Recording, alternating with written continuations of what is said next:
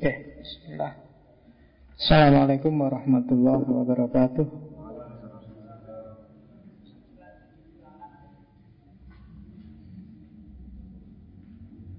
Bismillahirrahmanirrahim.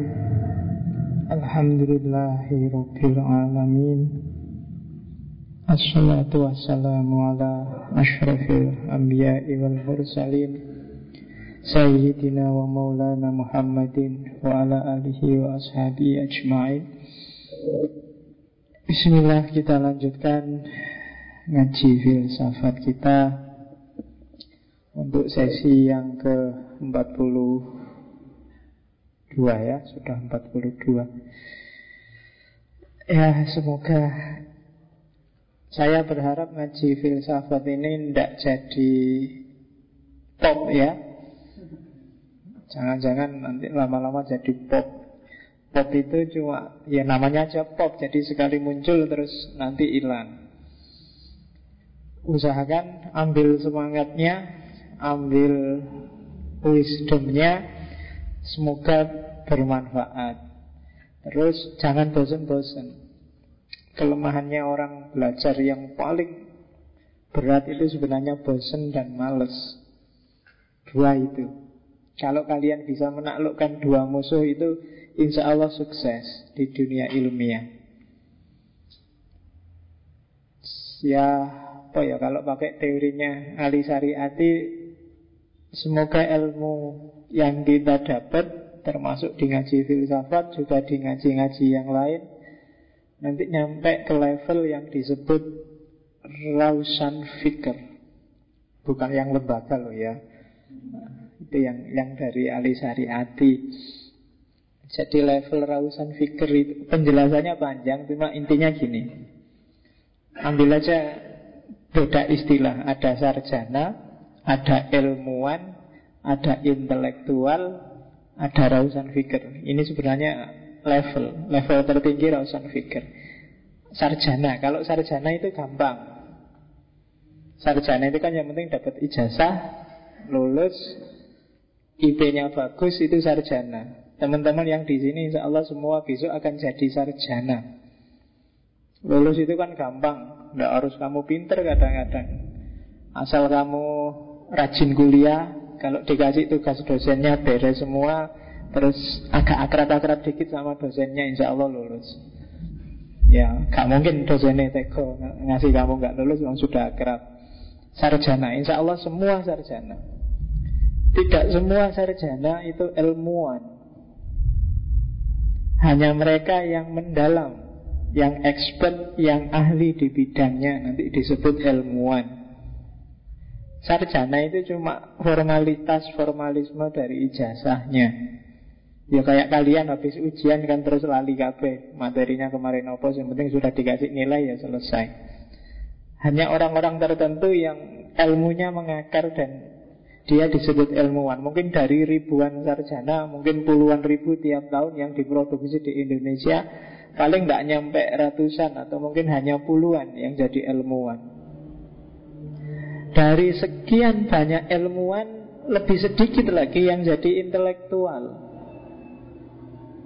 Intelektual itu orang yang tidak berhenti di ilmu, tapi juga melihat sejauh mana relevansi dan manfaat ilmunya untuk dunia nyata, untuk kehidupan sehari-hari, untuk masyarakat.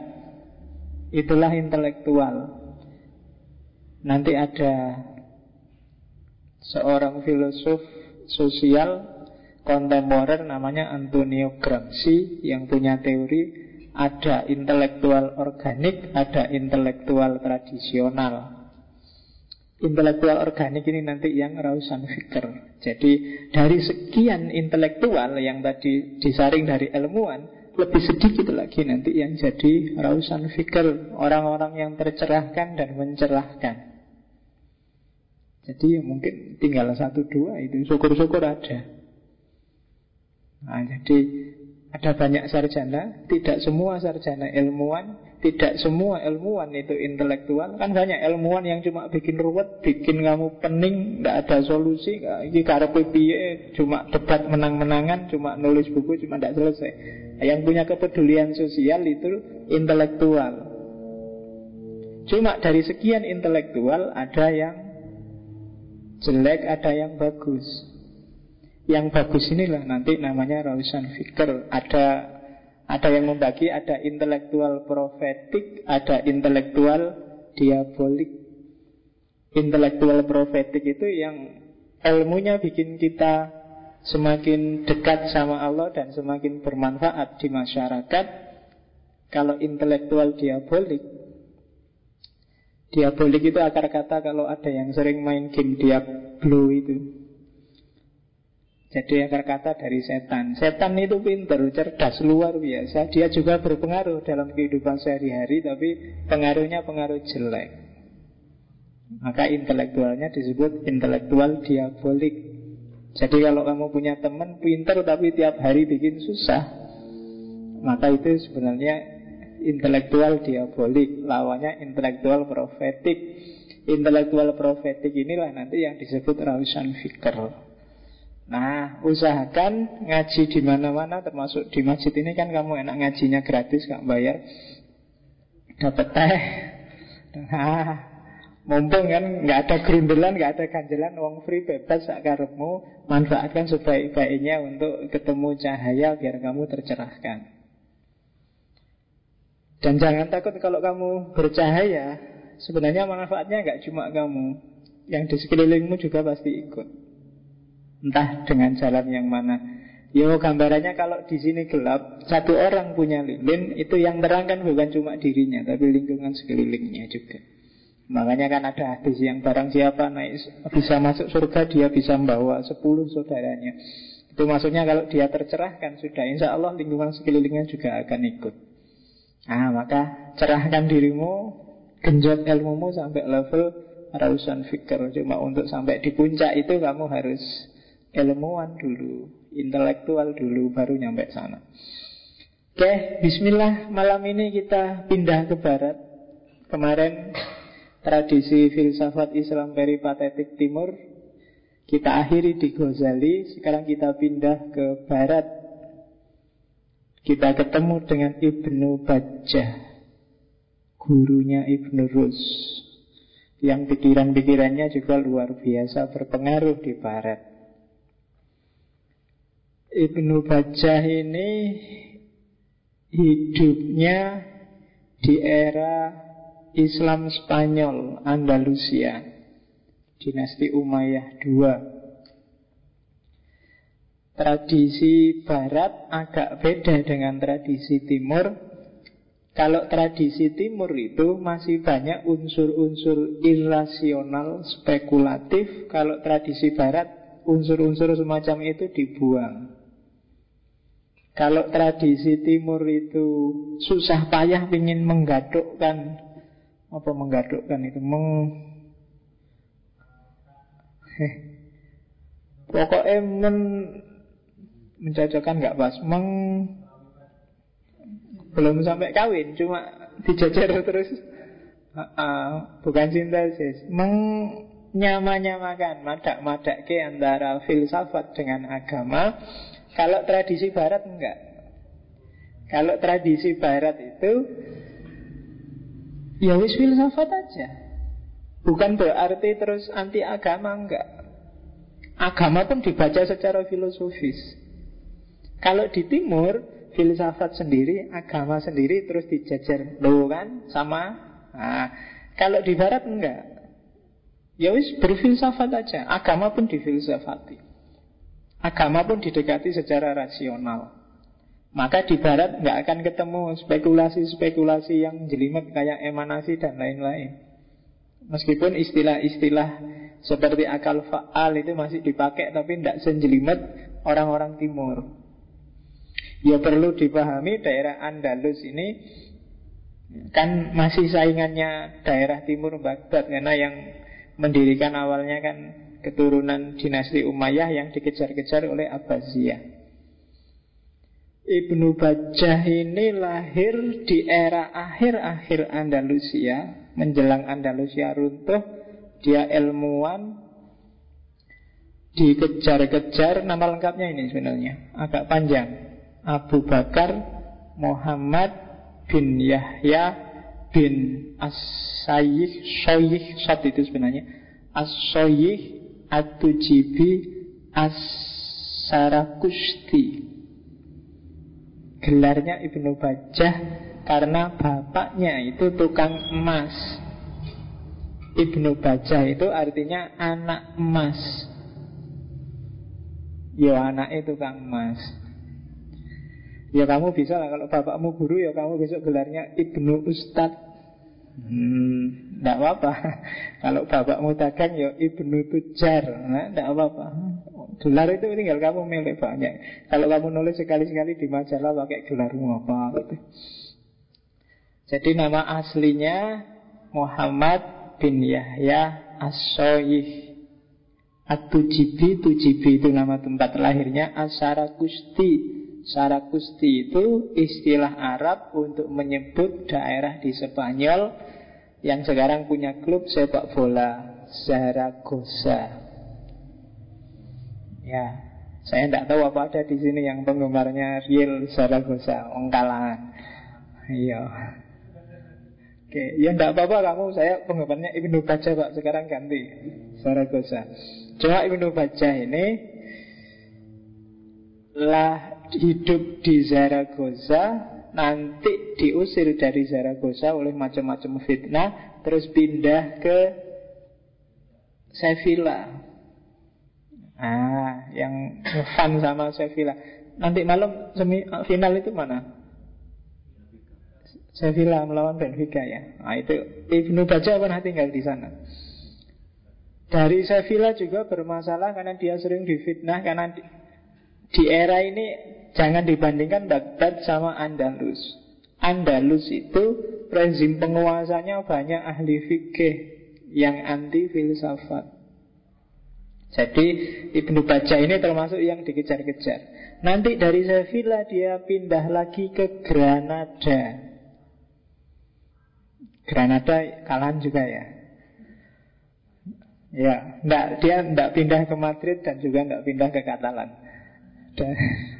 Dari Granada dia dikejar-kejar juga ketika Andalus jatuh ditaklukkan oleh Alfonso akhirnya dia lari ke Afrika Utara.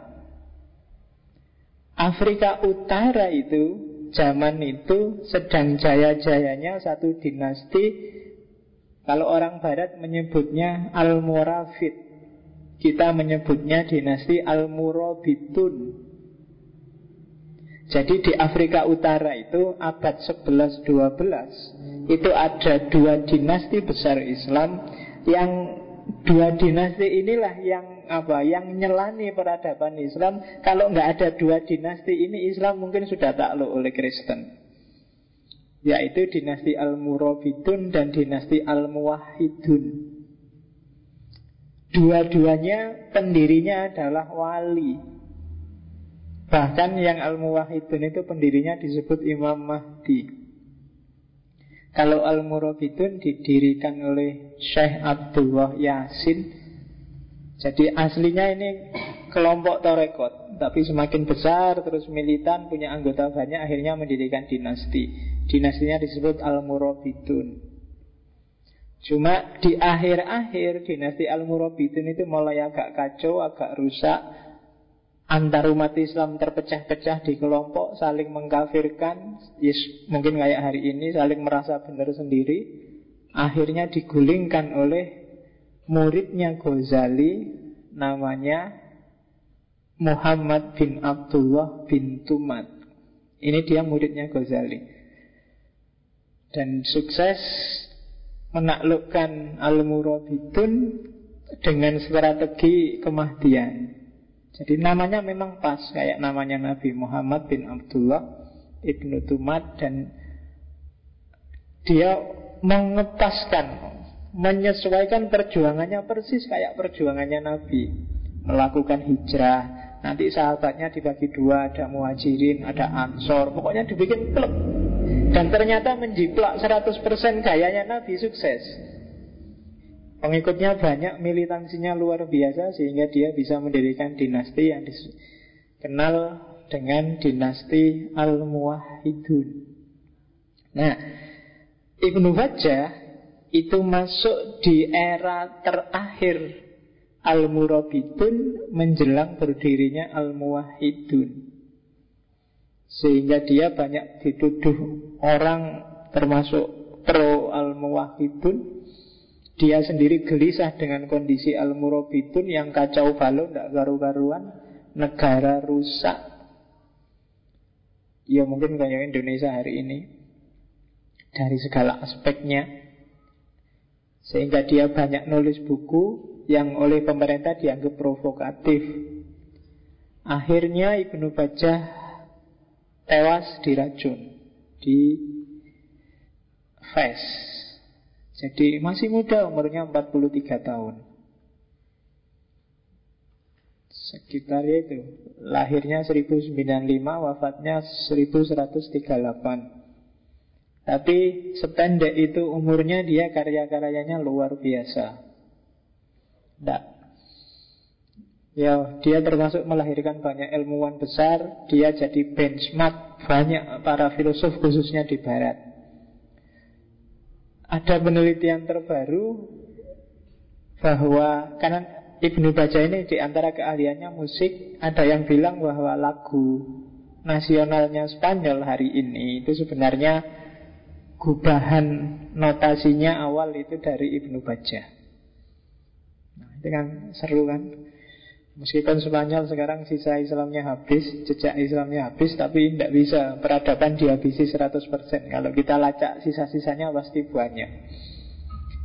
Jadi Ibnu Baca ini astronomi Kedokteran Hampir semua bidang ngerti Nulis juga tentang banyak hal. Jadi kalau diperhatikan Hampir semua filosof muslim Itu multi talents Tidak ada yang cuma hanya ngerti satu bidang. Selalu multi talent. Jadi kalau dibandingkan sama kita memang agak abot ya kita mau satu bidang jurusan satu aja pontang panting. Ketemu multi talentnya di mana? Jadi kalau sekarang orang ribut dengan integrasi, interkoneksi, mempertautkan ilmu umum dan agama. Zaman itu nggak usah capek-capek cari teori sudah nyambung dengan sendirinya.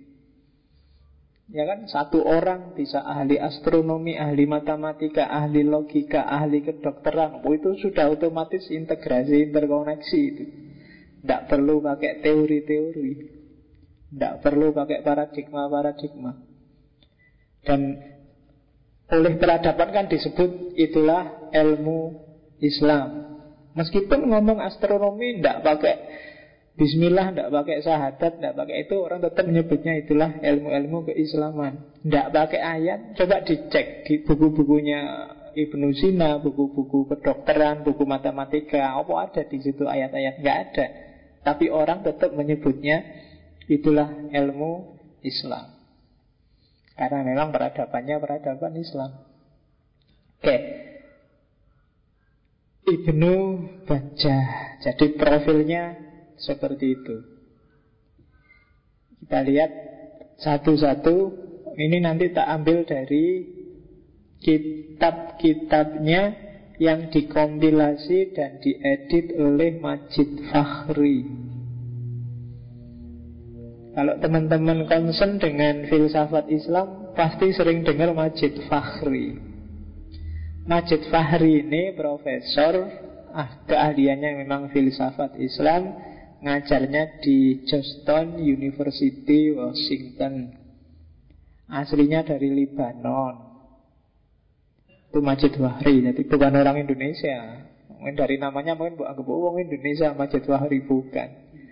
Dia profesor dari Libanon Yang paling sering kamu dengar juga Siapa ya kalau filsafat Islam? Oliver Liman Kalau Oliver Liman itu Ngajarnya di University of Kentucky. Ya negara bagian Amerika bukan Kentucky Fried Chicken. Ya Kentucky Fried Chicken dari sana. Kentucky itu Amerika bagian utara. Kentucky itu yang moto negaranya saya ingat karena kayak peribahasa dalam bahasa Indonesia. Bersatu kita teguh, bercerai kita runtuh. Itu provinsi Kentucky itu semboyannya itu Ya kayak Sleman punya semboyan Sleman, Sleman Sembada. Nah, Kalau sana semboyannya Apa? Bersatu kita teguh. United we stand Terus divided we fall. Jadi kalau bersatu kita akan bisa berdiri kuat Tapi kalau pecah kita akan jatuh.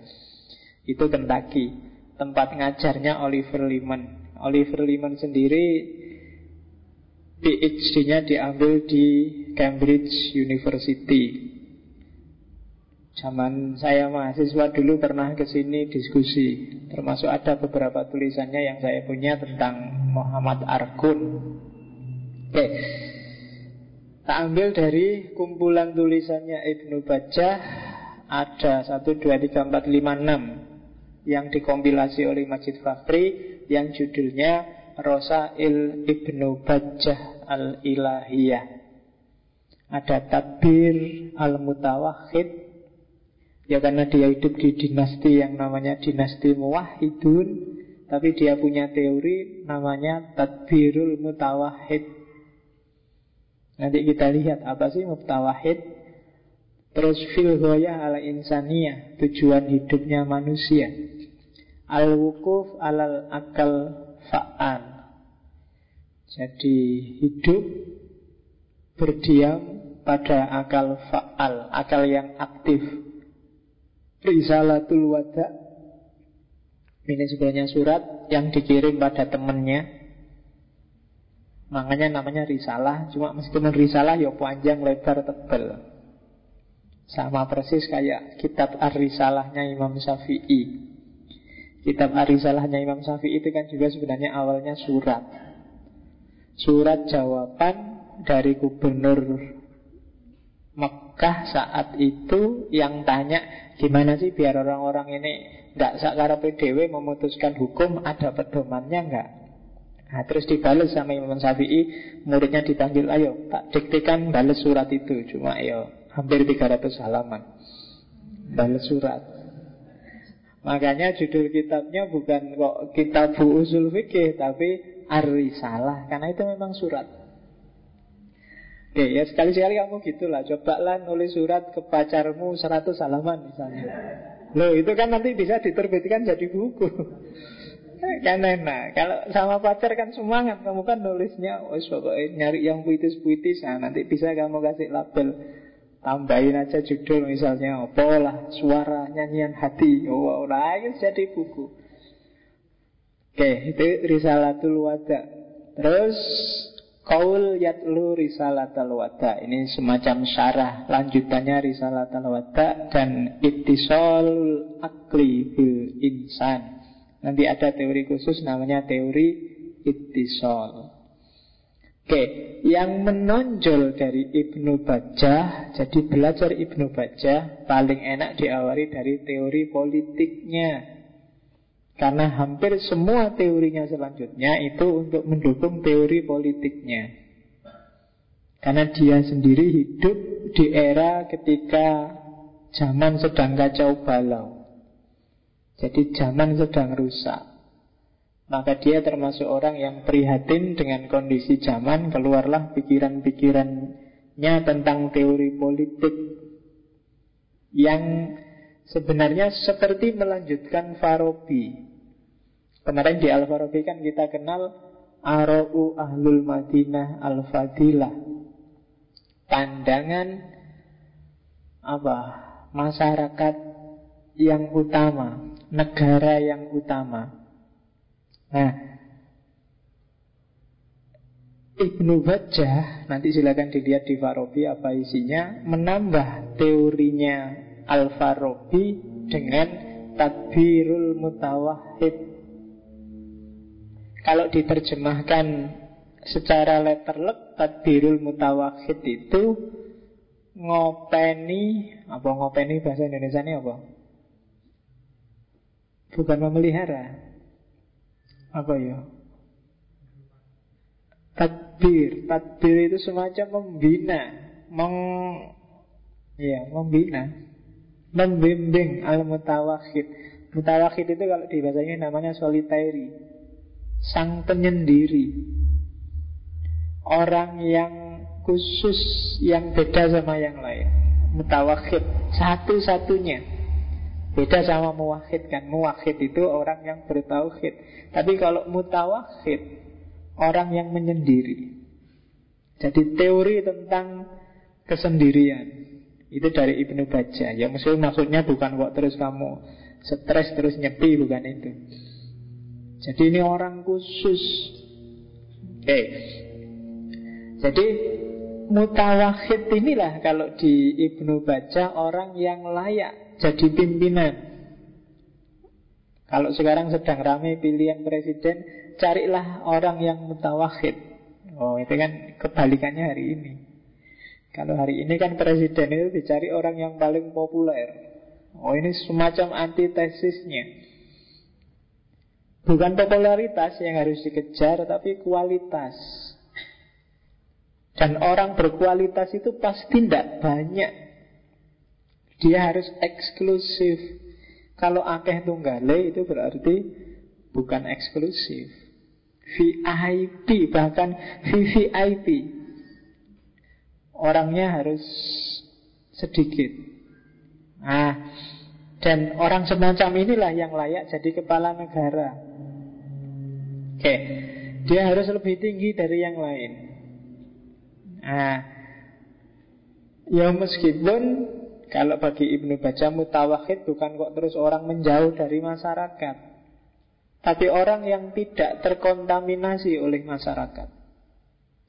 Jadi orang yang Ya seperti tak bilang di awal Orang yang tidak tenggelam oleh budaya pop.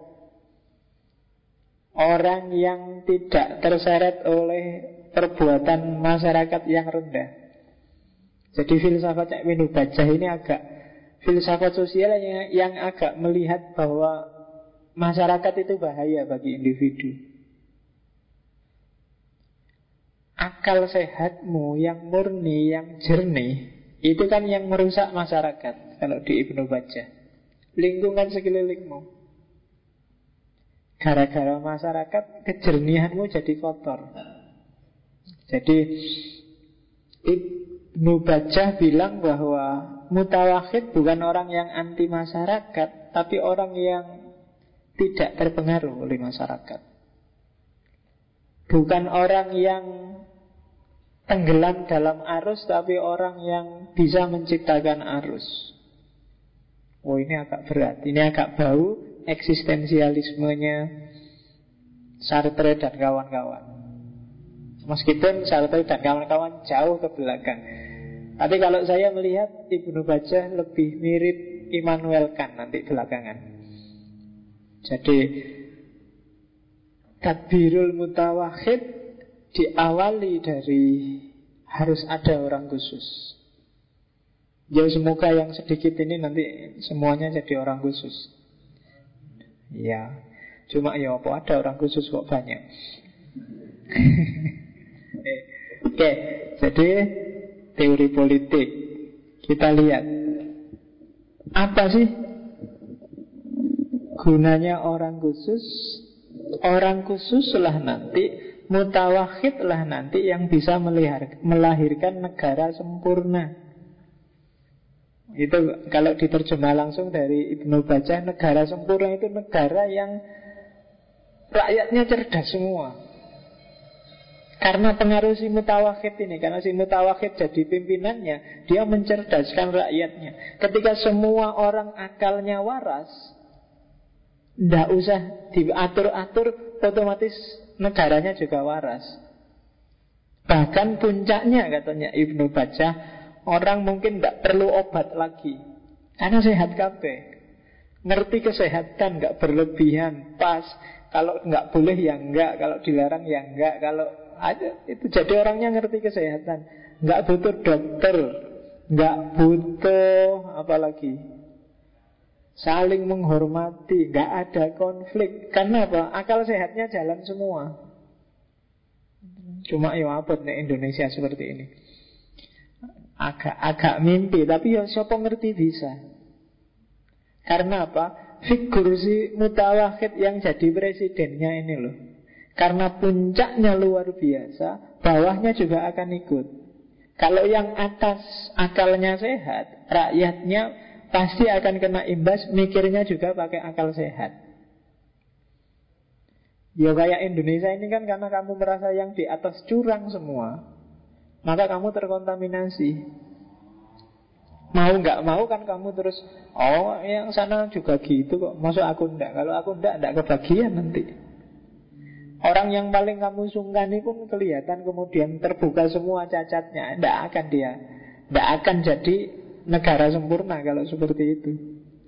Yang paling sering sakit malah dokternya. Yang paling banyak kejahatan kok malah sekolahan. Paling banyak perilaku tidak bermoral.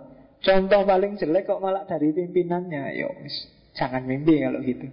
Kita jadi negara yang sempurna Kasus-kasus jelek malah di puncak-puncak peradaban yang harusnya bagus. Di Indonesia itu yang korupsi paling besar nomor satu Departemen Kan ada itu yang kemarin diliris itu Departemen Agama dicurigai Departemen Pendidikan Departemen Kesehatan.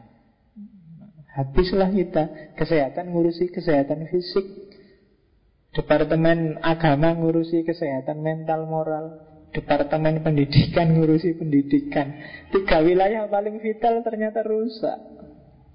Pendidikan rusak Agamanya rusak Kesehatannya rusak. Jadi ya jangan berharap kita akan jadi negara yang sempurna. Versi Ibnu Bajah tidak akan jadi Al-Madinah Al-Fadilah. Versi Al-Farabi. Obatnya apa? Cari Al-Mutawahid. Cari orang yang tidak larut di masyarakat, cari orang yang bisa bikin arus baru yang positif. Ilmuwannya juga harus ya kayak tadi Harus ilmuwan yang mencerahkan dan bikin orang tercerahkan Intelektualnya Hari ini kan semuanya intelektual tradisional Bahkan intelektual tukang Intelektual tukang itu Dia ngomong apa tergantung yang bayar Kalau pas yang bayar partai A ya cara mikirnya kayak partai A Kalau pas yang bayar partai B ya mendukung partai B kalau intelektualnya seperti itu ya jangan mimpi. Jadi kalau kamu gelisah melihat Indonesia hari ini ya wajar karena gejala-gejalanya memang menyedihkan. Tapi jangan putus asa. Sopo ngerti kita akan ketemu Al-Mutawahid Orang Jawa menyebutnya Satrio Piningit Imam Mahdi Siapa lagi? Oke, cuma ya dari yang nyalon kok masih belum kelihatan ya, tapi semoga lah tiba-tiba ada mukjizat sebelum kiamat kita sempat jaya sebentar. Ayo masuk kita Indonesia Nggak enak kan besok kalau kita ngobrol-ngobrol di surga itu. Ah ternyata Indonesia itu rusak sampai kiamat. Nggak enak ya kan? Ya adalah nanti sebentar-sebentar Ngalami masa jaya. Oke. Kalau kebalikannya, kalau di negara yang tidak sempurna, isinya sesat semua. Sehingga orang pinter pun janggal sesat. Kayak syairnya Ronggo Warsito itu loh. Kalau semua orang stres, maka yang tidak stres lah jadi satu-satunya yang dianggap stres. Itu berarti sudah negara yang sesat Negara yang tidak sempurna Negara yang penuh kebohongan Kenapa disebut negara yang penuh kebohongan? Karena kebenarannya nggak pernah tampil Kalau tampil tidak diakui Kalau diakui Pengakuan itu tendensius Untuk kepentingan yang lain Maka disebut negara kebohongan oh, Ini yang yang berat. Karena ketika kebenaran itu tidak tampil, kamu hidup bergelimang kekeliruan, bergelimang kebohongan. Kamu sudah marah-marah, kamu sudah mencaci maki, ternyata yang kamu caci maki itu mungkin tidak keliru, hanya saja karena kamu dapat versi bohongnya. Yang kamu puji-puji ternyata keliru, harusnya nggak kamu puji. Yang kita unggul-unggulkan ternyata bukan itu.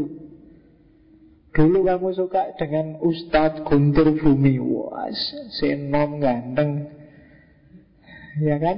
Eh ternyata sekarang urusan polisi.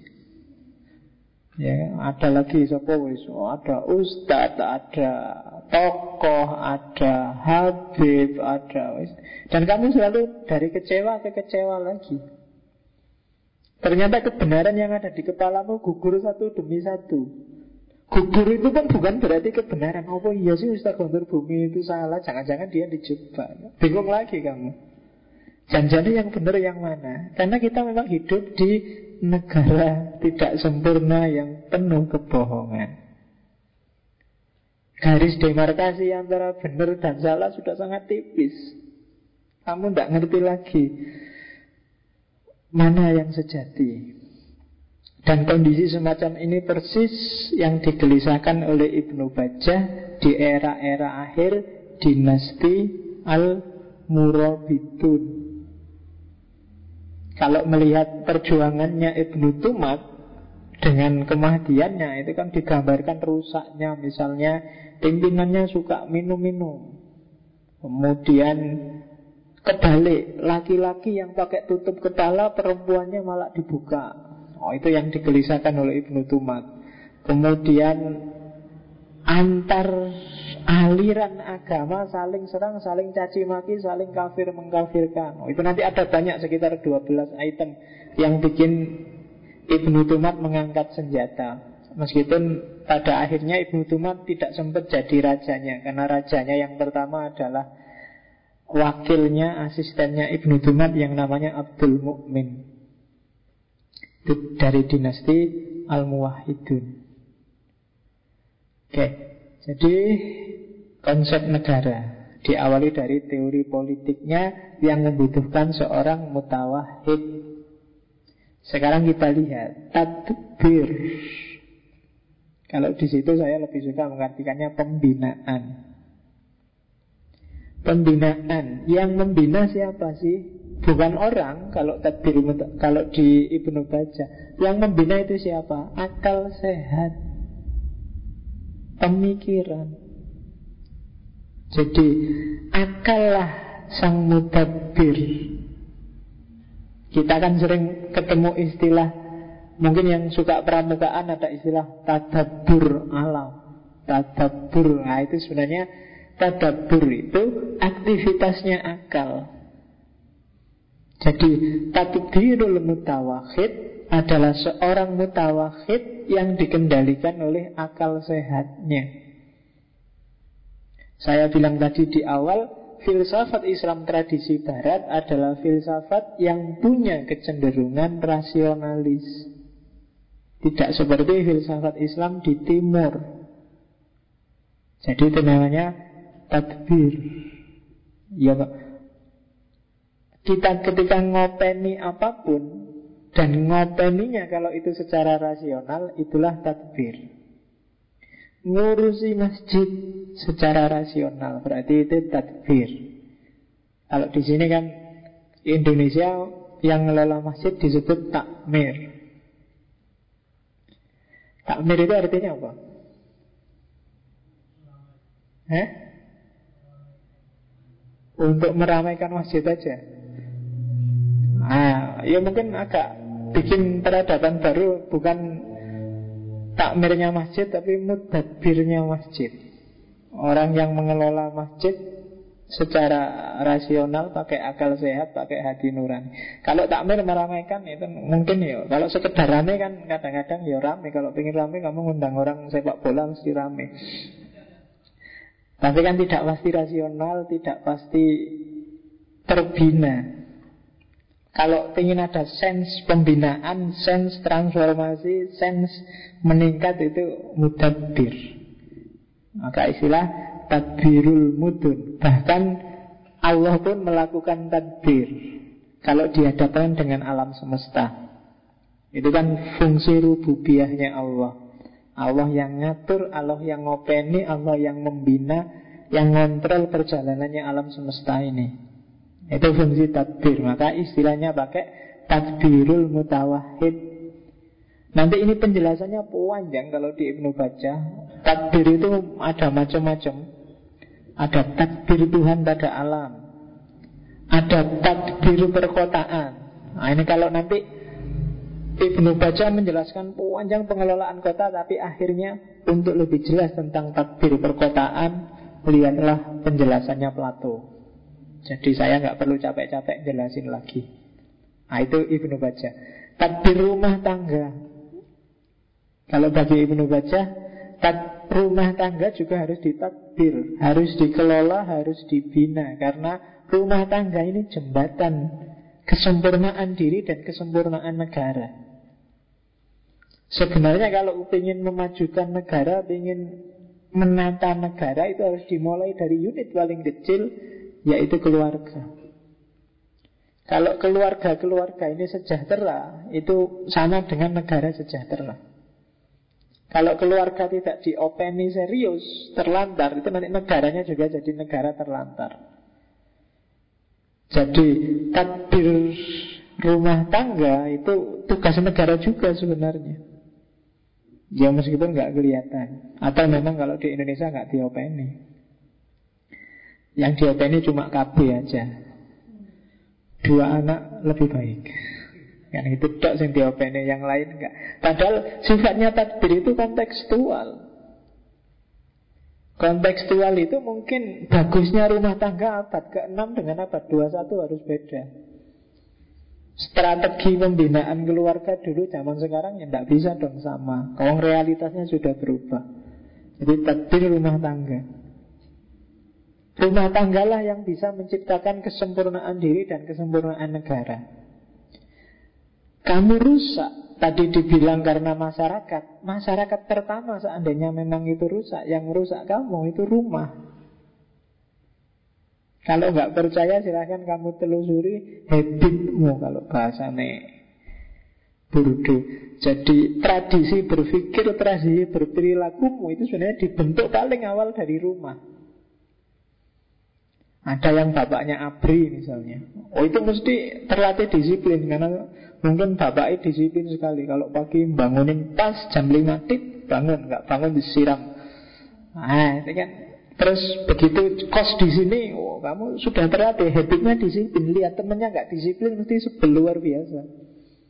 Karena kamu sementara yang satu mungkin bapaknya seniman.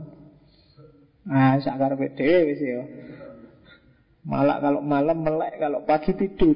Wes, wali aneh. Nah, ini kewali, maka akan terbangun habit yang beda dengan tadi yang bapaknya tentara, bapaknya TNI, Nah itu takdir rumah tangga Jadi seperti apa stylemu Itu sebenarnya dari rumahmu Makanya sirul walid lil walad Jadi rahasia. Bapakmu kayak gimana sebenarnya? Ya Cerminannya di kamu. Karena memang Wong yang didik kamu kan dia. Seperti apa gayamu? Ya Memang itu. Dari rumah. Takdir rumah tangga. Kesempurnaan diri dan juga negara. Karena negara unit paling kecil yang ada di satu negara. Cuma Ibnu Bajjah tidak sibuk dengan tiga takbir yang atas bagi dia biar aja. Yang paling penting adalah takbir jiwa. Di sinilah letaknya takbirul mutawahid kalau tadi kita ingin melahirkan mutawahid Berarti yang harus diopeni adalah jiwa Dengan segala levelnya. Nanti dijelaskan. Apa saja level-levelnya jiwa. Itu nanti di antara penjelasannya ada bahwa Mutawahid itu Kalau dalam dunia sufi disebut Huroba Ya kayak ada nasib dari Timur Tengah kan yang judulnya Huroba. Huroba itu orang asing. Kenapa disebut orang asing? Karena dia tidak umum, tidak kayak masyarakat yang lain. Yang lain semua goyang sesar, yang lain semua YKS, kamu enggak. Itu kan namanya Huroba, orang asing. Yang lain semua internetan, Facebookan, kamu enggak. Itu kan namanya kamu asing. Twitter aja enggak punya. Facebook lali pas betul karena saking suwene enggak buka. Nah itu kan internetan enggak ngerti caranya. Laptop enak ngetik pakai sebelas jari. Terus Iya, jadi Nah, itu namanya gurobak Gurobaknya orang asing Uang nonton itu heran Masya Allah zaman kayak gini. Iya unik Khas. Jadi kalau di sufi itu gurobak Sufi itu kan sering-sering juga gitu Unik, asing, khas. Yang lain semua ke selatan Dia ke utara sendirian. Gurobak Waktunya orang ketawa-ketawa Dia nangis keras sendirian. Itu gurobak dan cirinya mutawakid juga seperti itu.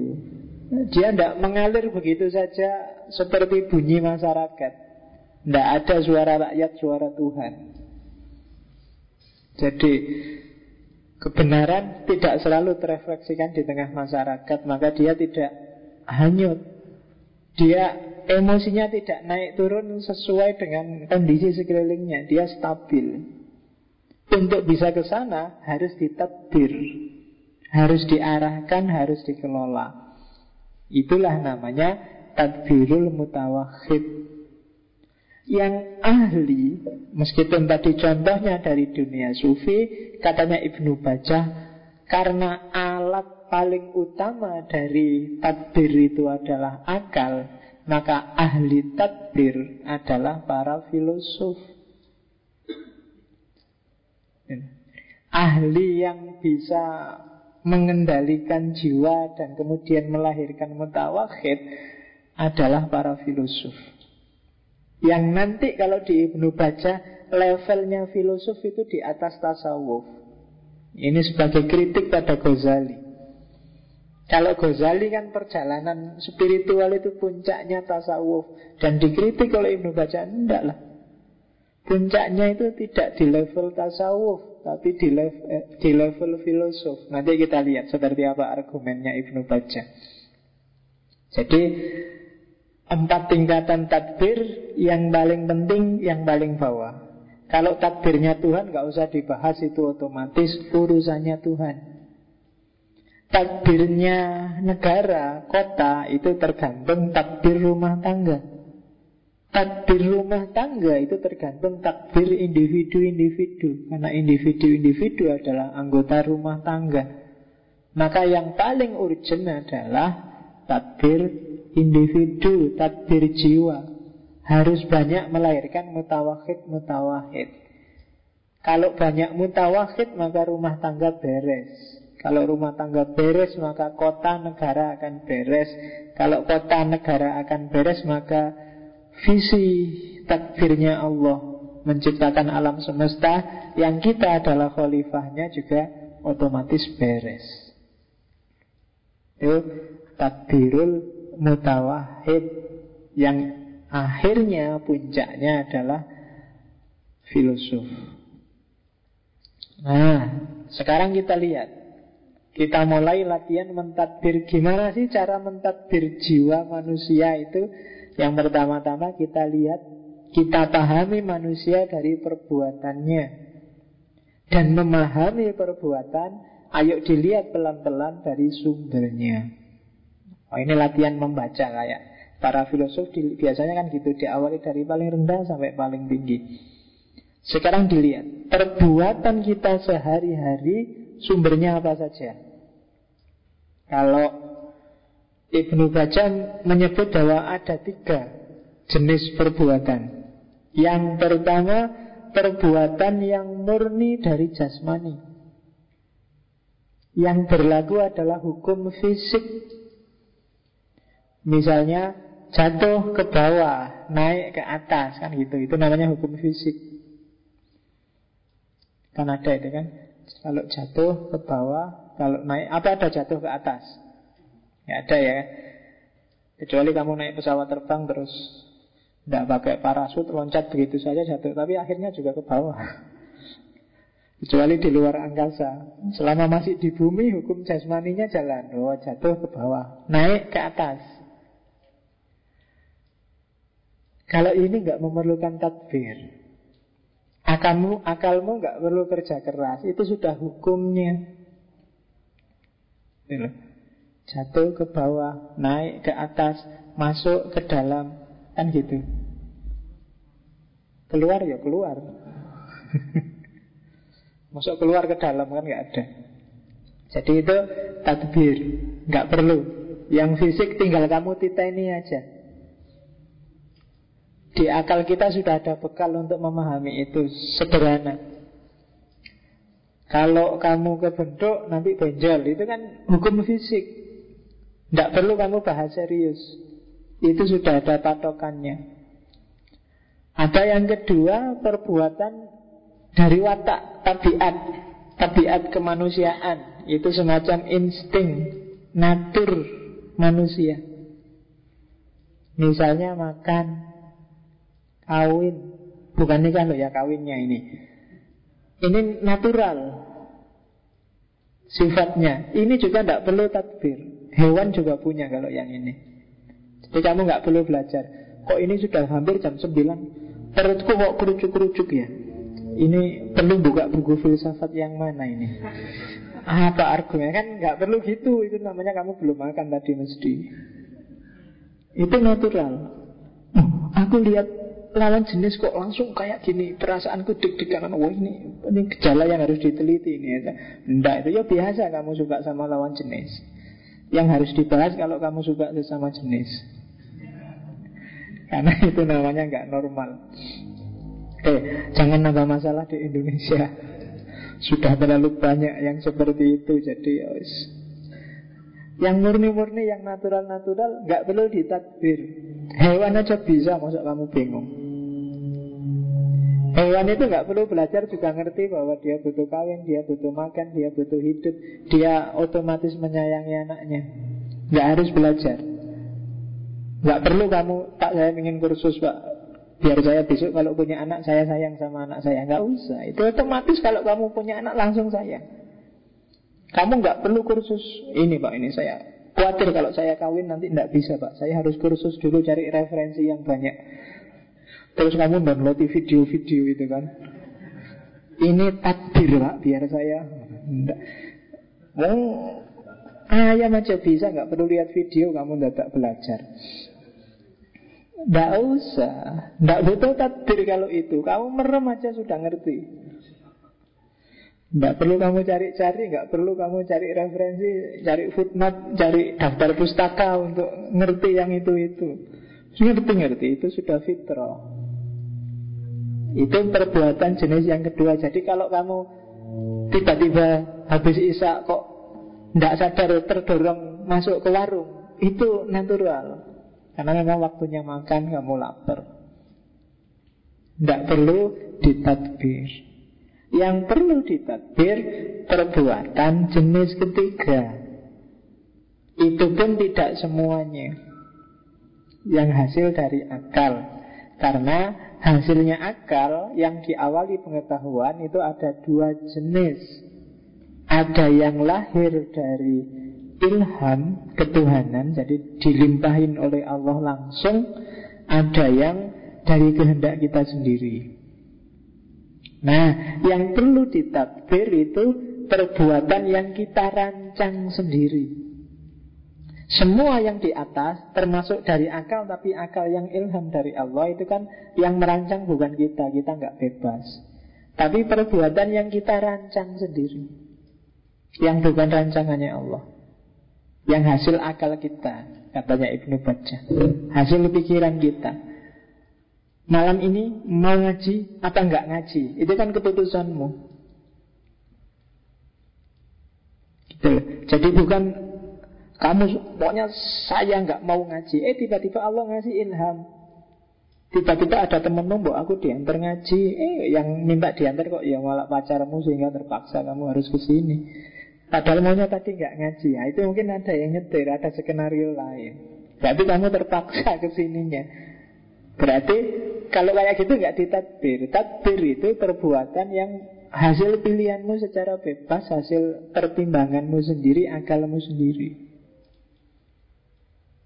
Jadi Yang fisik tidak perlu ditadbir Yang fitrah tidak perlu ditadbir Yang ilham tidak perlu ditadbir Yang perlu ditadbir adalah yang kehendak bebas Kamu mau apa menghadapi kondisi Indonesia hari ini Wah, terus kamu, saya ingin gini pak, saya ingin gini. Ini yang perlu ditadbir. Ini yang perlu dikawal pakai akal, biar tidak keliru. Kalau yang lain yang di atas itu sudah ada yang ngawal sendiri. Sudah ada yang bikin skenario sendiri yang bukan kita. Yang dalam konteks tanggung jawab kita inilah yang harus kita kendalikan. Di level perbuatan terakhir inilah nanti kita dihisap. Allah tidak akan tanya, lah kok kamu berani-beraninya kawin? Enggak, wong itu memang Allah sendiri yang ngasih fitrah. Allah tidak akan tanya yang ilhamiah. Ya mungkin adalah di hidup kita level tertentu yang dapat ilham. Ilham itu tidak selalu kamu semedi terus dapat wangsit terus ada suara wahai. Enggak. Ilhamiah itu ya tiba-tiba muncul aja dalam dirimu tanpa kamu belajar. Banyak, meskipun kamu sering tidak sadar, kadang kamu menyebutnya kebetulan. Coba aja agak cerdas sedikit kamu membaca hidupmu Nanti kan banyak sekali peristiwa-peristiwa kebetulan Bukan kamu yang merancang Ya termasuk misalnya Sejak lama kamu ingin ngerti tentang budaya Jawa Wong kamu orang Jawa Ke mana-mana di kampus juga tidak dikasih Di buku-buku nggak jelas bukunya Eh tiba-tiba di masjid ada pengajian tentang serat-serat Jawa. Wah, lumayan gratis. Ini kan seolah-olah kebetulan, tapi pasti ada yang bikin skenario. Kalau kalian pernah baca bukunya yang judulnya The Secret itu kan kalau kamu punya keinginan kuat akan banyak jalan ke sana. Itu berarti ada yang bikin skenario. Sejak dulu ingin ngerti filsafat, mau buku filsafat judek, ruwet. Eh ada pengajian filsafat lumayan. Sama-sama judek tapi ya ora apa-apa sementing untuk teh. Kan lumayan lah, ngerti sidik-sidik sementing pernah dengar istilah-istilahnya kan lumayan. Meskipun tidak terlalu paham Tapi kan kamu ngerti Oh ada tadbirul mutawahid Oh ada orang namanya mutawahid Orang yang penyendiri Yang tidak ikut arus di tengah masyarakat. Oh itu kan dapat ini aja kan luar biasa. Tadi kamu tidak ngerti mutawahid itu apa. Ngertinya kan muwahid Orang yang bertauhid. Eh ternyata ada juga mutawahid Nah itu Pilihanmu. Perbuatan yang keempat. Jenis yang kita sendiri yang merancang. Bukan yang dirancang oleh Allah. Jadi hidup ini memang gabungan sebenarnya. Tergantung kita mengelolanya Antara kehendaknya Allah dengan kehendak kita.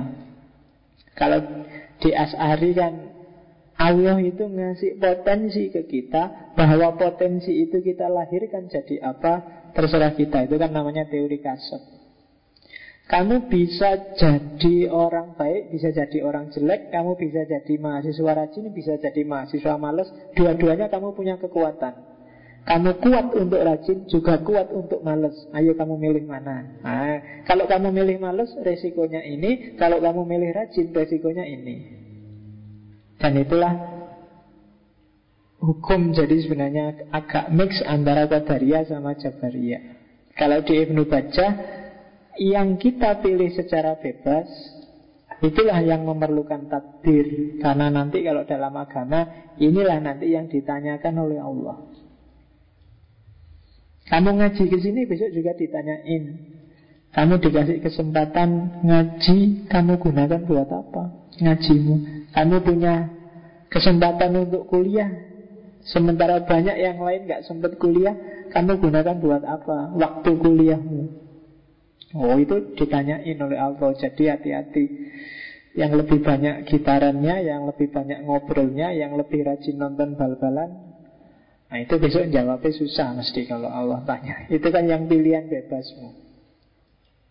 Jadi Hati-hati kamu kan sudah dewasa Jangan Oh ini kan besok aja kan masih muda pak Masa harus serius-serius amat Yo coba aja Oke Jadi sumber yang pertama harus dikejar. Silahkan kamu introspeksi di level yang keempat.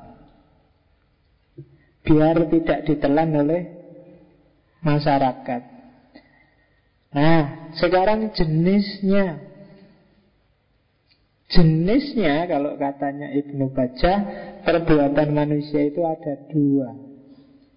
Yang pertama, perbuatan hewani. Yang kedua, perbuatan manusiawi. Perbuatan hewani itu perbuatan yang motifnya naluriah. Sementara tanpa melibatkan akal. Perbuatan manusiawi itu perbuatan yang motifnya akal budi. Nah ini contohnya gini, perbuatannya bisa sama, tapi yang satu ini hewan ini tidak selalu negatif loh ya. Naluriah itu nggak selalu jelek, hewan itu kan nggak selalu jelek. Kalau manusia itu kan sering diskriminatif. Kalau ada yang jelek-jelek terus, alah hewan kamu dasar anjing, dasar, ya mesti ngono, kasihan hewannya. yang jelek-jelek kamu ambil semua dari hewan. Padahal yang jelek kamu kok yang jadi sasaran hewannya. Hewan itu tidak ada yang jelek. Karena semuanya naluriah sifatnya yang memang dikasih Allah bekal itu dan dia jalan seperti itu. Jadi kalau kamu ada yang maki-maki kamu pakai nama hewan ya Alhamdulillah berarti aku masih mengikuti naluriku sebagaimana diberikan oleh Allah. Hewan kan selalu begitu. Oke, contohnya gini. Makan, minum juga. Minum itu bisa perbuatan hewani, tapi bisa naik kelas jadi perbuatan manusiawi tergantung motifnya. Kalau minum itu sekedar untuk memenuhi keinginanmu biar nggak haus, maka yaitu hewani. Biasa, hewan juga gitu kalau sedang haus minum. Tapi kalau makan itu tujuannya untuk Oh ya ya ini amanah dari Allah Untuk memelihara fisik Menjaga kehidupan Sehingga aku kuat melakukan kebajikan Levelnya beda Jadilah dia perbuatan manusiawi Oke, saya tak minum dulu Tapi ini, ini minum yang manusiawi Dengan minum ini biar aku bisa ngaji terus Sampai nanti selesai. Biar suaranya nggak serak nah, Ini bukan hewani Meskipun sebenarnya juga karena haus. Tapi kan motifnya beda. Haus, biar hausnya ini hilang dan bisa ngaji terus Maka aku harus minum. Nah, Ini perbuatannya manusia.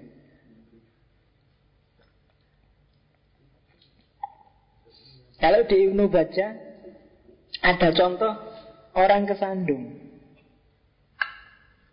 Misalnya kamu jualan di jalan kesandung batu dus. Kurang ajar batu. Batunya kamu ambil terus kamu buang. Kalau kamu buang itu karena kamu jengkel habis kesandung. Kurang ajar batu ngalangi. Maka itu lumrah perbuatan hewani. Tapi kalau kamu buangnya karena wah ini kalau nggak tak buang Nanti orang lain bisa kena juga nih Itu jadi perbuatan manusia. Jadi ngerti bedanya ya? Jadi perbuatan apa pun kalau bisa Kamu naikkan levelnya jadi perbuatan manusia. Meskipun itu awalnya sebenarnya insting perbuatan hewani. Hewan juga begitu. Makan, kayak tadi kawin, kayak dan seterusnya. Naikkan levelnya jadi perbuatan manusia. Minum, jalan-jalan. Oh itu kan kalau dalam fikih kan jadikan semua aktivitas kita ibadah. Kuncinya apa? Cari argumen pakai akalmu untuk nyari yang lebih utama dari sekedar insting.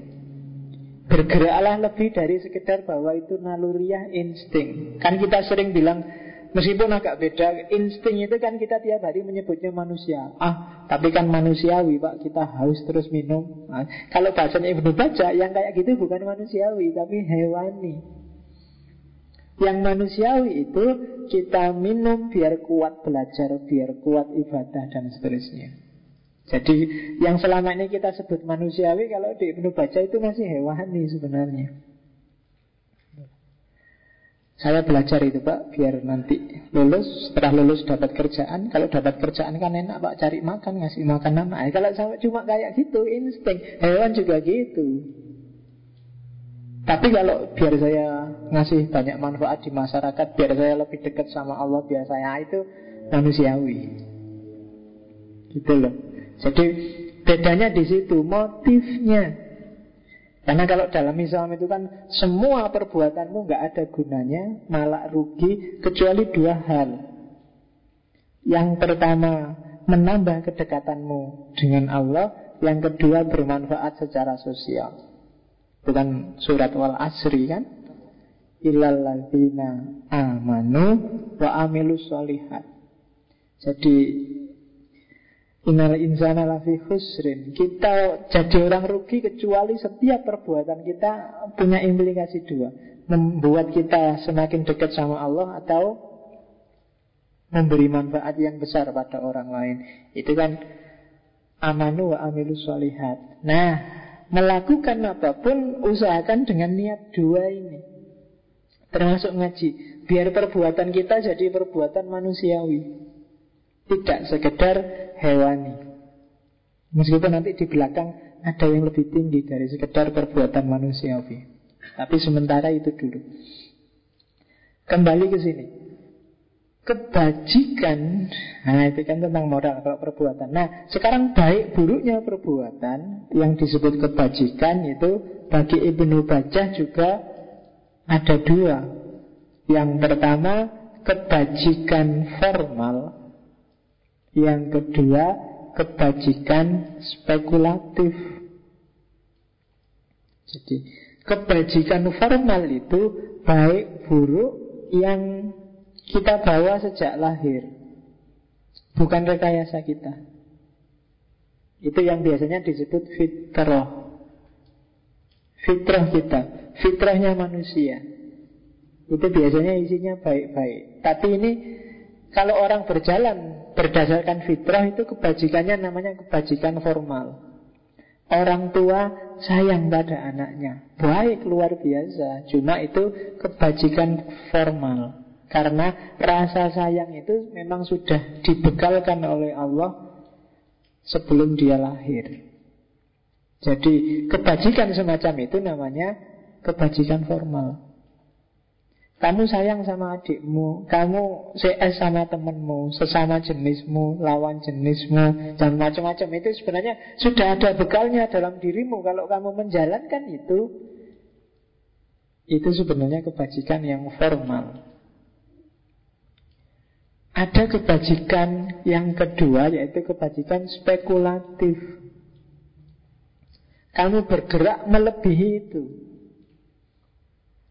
Hasil spekulasi akalmu, hasil analisis pakai nalarmu. Misalnya, kamu memaafkan musuhmu. Oh ini kan harusnya secara natural, secara fitrah, orang ini agak manggel kalau sama musuh. Tapi kan terus akalmu jalan lah. Kalau aku mangkel, dia mangkel. Kapan ini selesainya konflik? Yang enak kan tak maafkan dia, dia memaafkan aku, nah, damai aku baru mikir yang lain. Karena kalau konflik terus aku tidak kau bermikir, tidak sempat. Nah, ini berarti apa? Kamu melakukan kebajikan hasil pikiranmu sendiri. Tidak sekedar mengalir aja. Misalnya dalam Islam ada hukum kisos. Kalau ada orang salah padamu, kamu boleh balas dengan yang setara. Kalau dipotong telingamu, kamu boleh balas motong telinganya. Kalau dipukul pipi kananmu, kamu boleh balas pipi kanannya dia. Itu namanya kisos kan? Tapi mungkin kamu bisa pakai akalmu untuk yang berbeda. Apa harus tak balas ya? Nanti kalau tak balas dia mangkel balas lagi. Lama-lama balas-balasan nggak selesai-selesai. Dendam-dendaman nggak selesai-selesai. Apa tak maafkan aja ya? Itu kan spekulasinya akal. Masuk selalu aku mukul dia Nanti dia mukul aku. Aku maling ke dia Dia maling ke aku Aku memperkosa dia, dia memperkosa. Kok pemerkosaan tidak ada kisah ya? Kalau ada kisah itu malah senang mungkin pemerkosanya. Kurang ajar kamu memperkosa aku, gantian. Nah, Kisos. Oke, tidak bisa kan kisah kalau perkosaan. Kalau pembunuhan bisa, perampokan bisa. Oke, kebajikan spekulatif. Kalau kebajikan spekulatif, ya hasil rancangan kita sendiri. Aku disalahi, tak maafin deh, nggak apa-apa, biar kita semakin tentram. Atau misalnya, aku dosen, harusnya aku adil kok. Karena yang males ya dikasih nilai jelek. Tapi masa akhirnya kalau tak kasih nilai jelek Tidak lulus-lulus Semester depan ketemu aku lagi Bosan aku Dahlah tak lulusin aja nilainya ah, Itu kebajikan kan Tapi hasil pikiranku sendiri. Bukan fitrah yang tak bawa sejak lahir. Itu namanya kebajikan spekulatif. Coba dirasakan Pikiran-pikirannya Ibnu Baja Selalu puncaknya pada akal.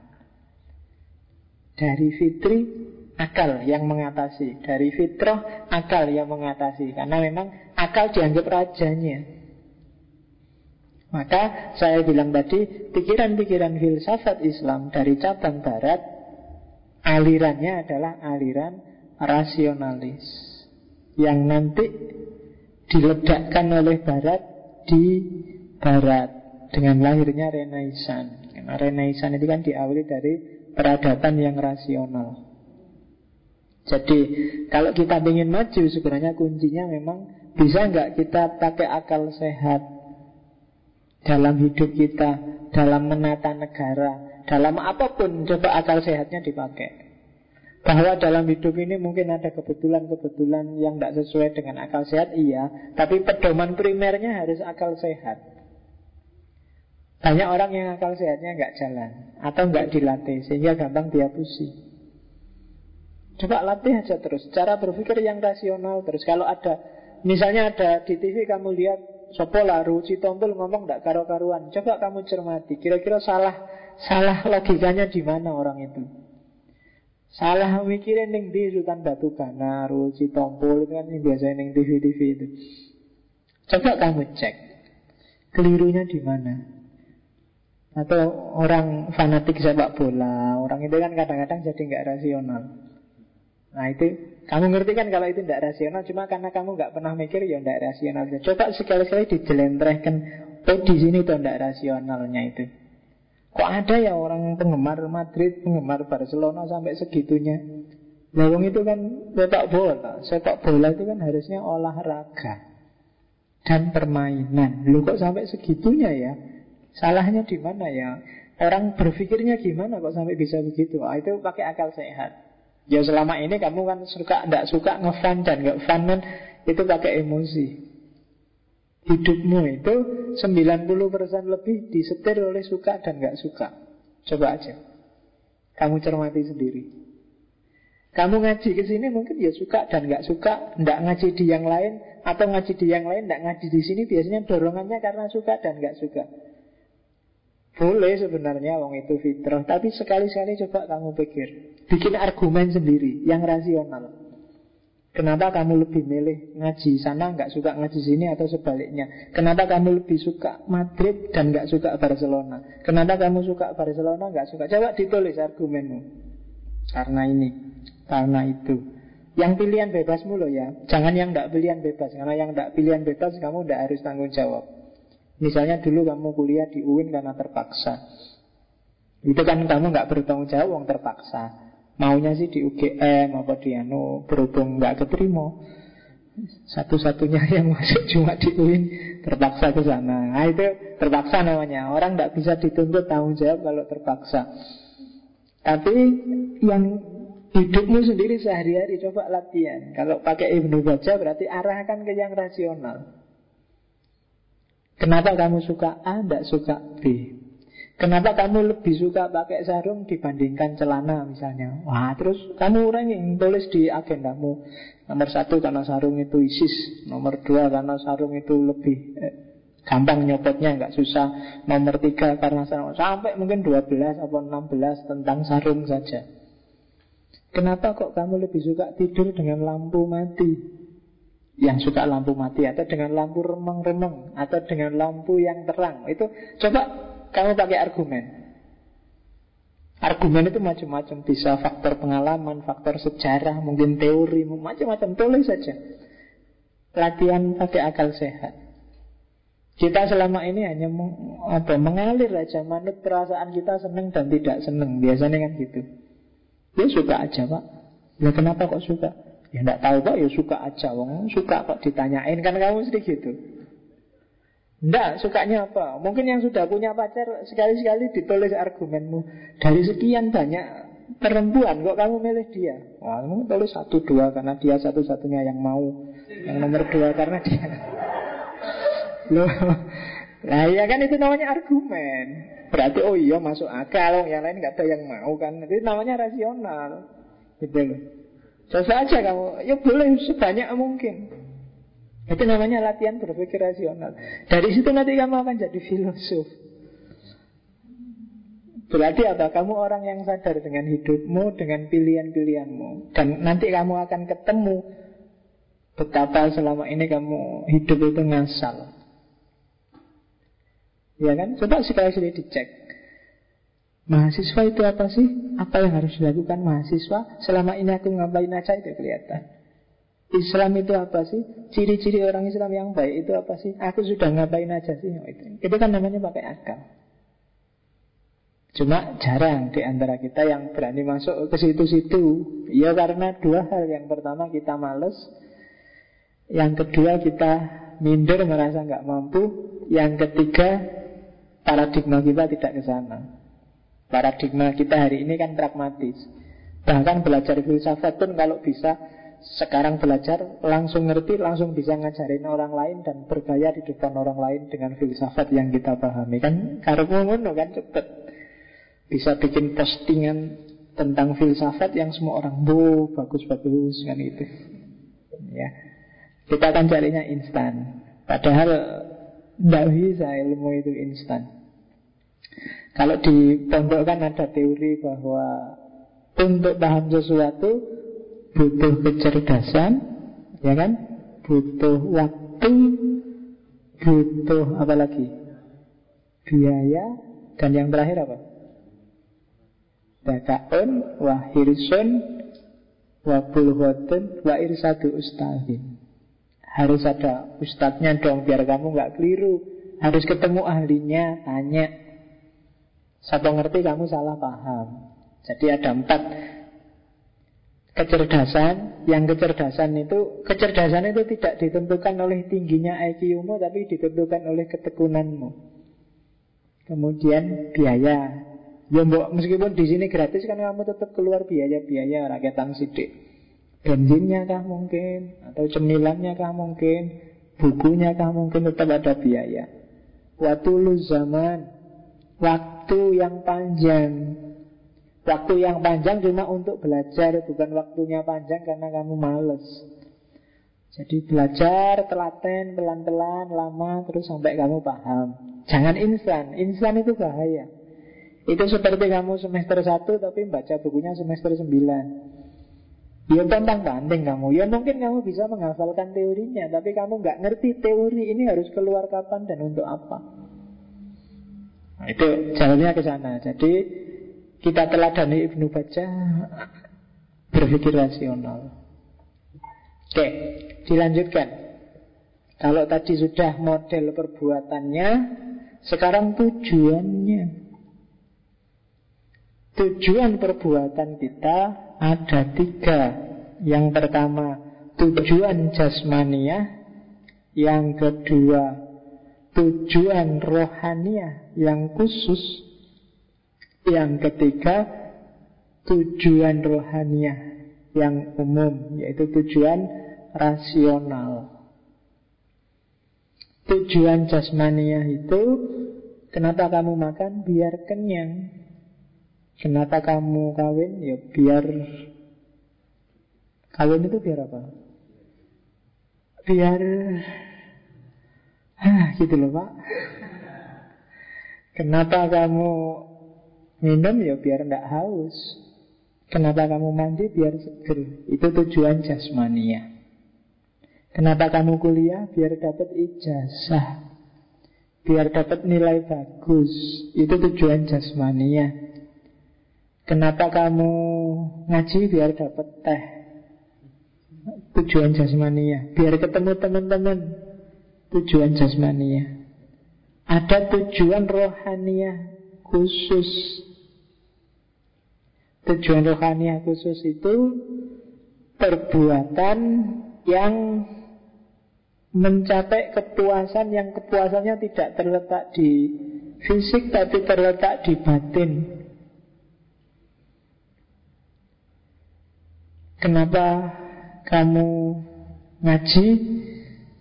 Ya Pak, biar saya ngerti Pak tentang filsafat, biar saya dapat wawasan baru itu kan adanya di batin, tidak target fisik. Kenapa kamu membantu orang lain? Ya biar saya lega Pak, saya merasa berbagi, saya merasa itu kepuasan batin. Kalau kepuasan lahir, kenapa kok kamu sodako? Yo katanya kalau saya sodako itu nanti kembalinya tujuh ribu kali lipat Pak. Jadi saya sodako terus biar kembali banyak. Nah, Itu sebenarnya tujuan jasmania. Kamu disuruh sodako banyak-banyak Karena mikirnya nanti kembalinya ribuan kali lipat dari itu. Itu sebenarnya tujuan jasmania. Karena ada kan yang gitu. Jadi nyuruh kamu sodako Itu tujuan jasmania. Ya kalau mau biayanya sendiri suruh sodako anda katakan dompetnya mana? Dompetnya mana? Sotako. Nah, besok kalau kamu ikut pengajian di main ke depan, dompetnya sampean juga mana? Jadi dibalik dia juga harus dompetnya diserahin. Tujuan jasmaniah itu. Kita beragama juga sering-sering tujuannya jasmaniah kan? Kamu coba kamu cermati doamu itu. Kan biasanya untuk kepuasan jasmania semua. Ya Allah, semoga hidupku sejahtera jasmania kan? Semoga dapat istri yang soleha Jasmania Semoga rezekiku lancar. Jasmania, jasmania Semoga kebutuhanku tercukupi jasmania Jadi keberagamaan kita berarti perilaku ke keberagamaan kita ada di level dasar. Tujuannya jasmania Sehingga keberagamaannya jadi formalitas. Oh, kalau jasmania kan ya kalau judulnya jasmania itu gampang Asal uangmu banyak kamu bisa masuk surga. Ya kan? Dengan uang banyak kamu bisa sedekah banyak. Kamu bisa manggil Pak Yai yang kira-kira kamu anggap doanya ampuh Langsung diterima oleh Allah. Kamu panggil Pak Yai, bu aku didoain Tak sangoni beres lah. Bisa kamu masuk surga kan? Kalau parameternya jasmania. Dan sebenarnya itu level paling dasar maka jangan negosiasi di level dasar eman-eman. Level dasar itu otomatis kok. Kalau kamu kerja keras, otomatis dapat uang. Kalau kamu sungguh-sungguh, otomatis dapat kerjaan. Kalau kamu rajin, otomatis paham dan ngerti. Itu implikatif aja. Nggak usah kamu pikir dalam-dalam. Nggak usah kamu cari uang banyak kalau kamu profesional, expert di bidangmu, kamu akan jadi sesuatu dan orang nyari kamu dan kamu dapat kerjaan. Problem sarjana hari ini bagi saya bukan karena dia jarang dapat kerjaan, tapi masih ngelambiar. Dia tidak fokus di ilmunya, dia tidak punya keahlian. Karena tak lihat kurikulum-kurikulum itu kan biasanya Mahasiswa filsafat tapi kurikulumnya mata kuliah macam-macam sehingga dituntut ngerti macam-macam. Coba satu aja tapi mendalam luar biasa. Orang akan nyari kamu. Nah, karena di kampus tidak ketemu, kamu sendiri aja yang bikin. Aku pengen ahli di mana? Cari dari rentetan mata kuliahmu di kampus yang kamu merasa enjoy, merasa enak, merasa bisa paham. Perdalam itu sedalam-dalamnya. Nanti orang akan nyari kamu. Jangan jadi generalis. Orang pintar tapi generalis itu tidak akan diingat. Jadilah ahli, jadilah expert. Expert itu semakin kecil keahlianmu tapi dalam, semakin orang ingat kamu dan nyari kamu. Saya ahli filsafat Islam, Pak. Orang kan ingat, bukan kok ahli Pokoknya ilmu apa aja bisa pak. Pokoknya saya disuruh ngomong apa aja Ayo pak. Orang akan melupakanmu Tapi kalau ahli filsafat Islam pak. Khusus saya ahli filsafat Islam Timur pak. Lebih khusus lagi Saya ahli Ghazali pak. Oh itu kan orang ingat Begitu mau ngomong Ghazali Wah dia ahlinya. Yang generalis itu disebut belakangan. Kalau yang ahli-ahli sudah nggak ada semua Ya wis dewe wis Sopo saya ngerti. Itu generalis Tapi jadilah spesialis. Kayak dokter itu loh. Dokter umum sama dokter spesialis kan Beda bayarannya. Karena dia lebih sempit. Dokter umum bayarannya paling berapa Tapi dokter spesialis mata. Oh itu mesti bayarannya paling mahal selama ini yang saya tahu. Apalagi kamu bisa lebih spesial lagi. Spesialis mata kanan misalnya. Oh itu kan lebih dasar. Jadi kalau kamu sakit mata Ini mata kanan atau kiri ya? Wah mata kanan. Oh itu ahlinya dokter. Sana nah, Mungkin lebih ingat lagi. Oke Itu tujuan jasmania. Kalau tujuan rohania khusus itu tujuan yang sifatnya kepuasan batin. Sodako Tidak pak, karena saya memang ingin bantu aja biar lega Kamu rajin, tidak saya ingin dekat aja sama Allah biar Karena memang tuntutan jiwaku untuk begitu pak Itu rohania khusus Di atas rohania khusus ada rohania umum Jadi lebih tinggi dari itu. Kamu melihat kebajikan kalau dalam agama ini levelnya sudah level kepuasan pemikiran, kepuasan batin yang semakin transenden semakin kamu dekat sama Allah. Jadi tidak sekedar pemenuhan hasratmu. Ketika kamu sodakoh bukan karena disuruh, bukan karena ingin dapat imbalan, bukan karena kamu ingin puas batinmu, tapi karena kamu ingin dekat sama Allah kepingin merealisasikan apa yang menurut akalmu rasional. Secara rasional hidup ini nggak rata, ada yang kaya, ada yang miskin, maka kita harus berbagi. Itu kan cara kita berpikir. Kita realisasikan itu. Menurut saya Dunia ini nggak akan damai kalau kita marah-marahan terus Dan kita lakukan untuk tidak marah-marahan nah, Itu ke, namanya kepuasan ruhania umum Tanpa tendensi apa-apa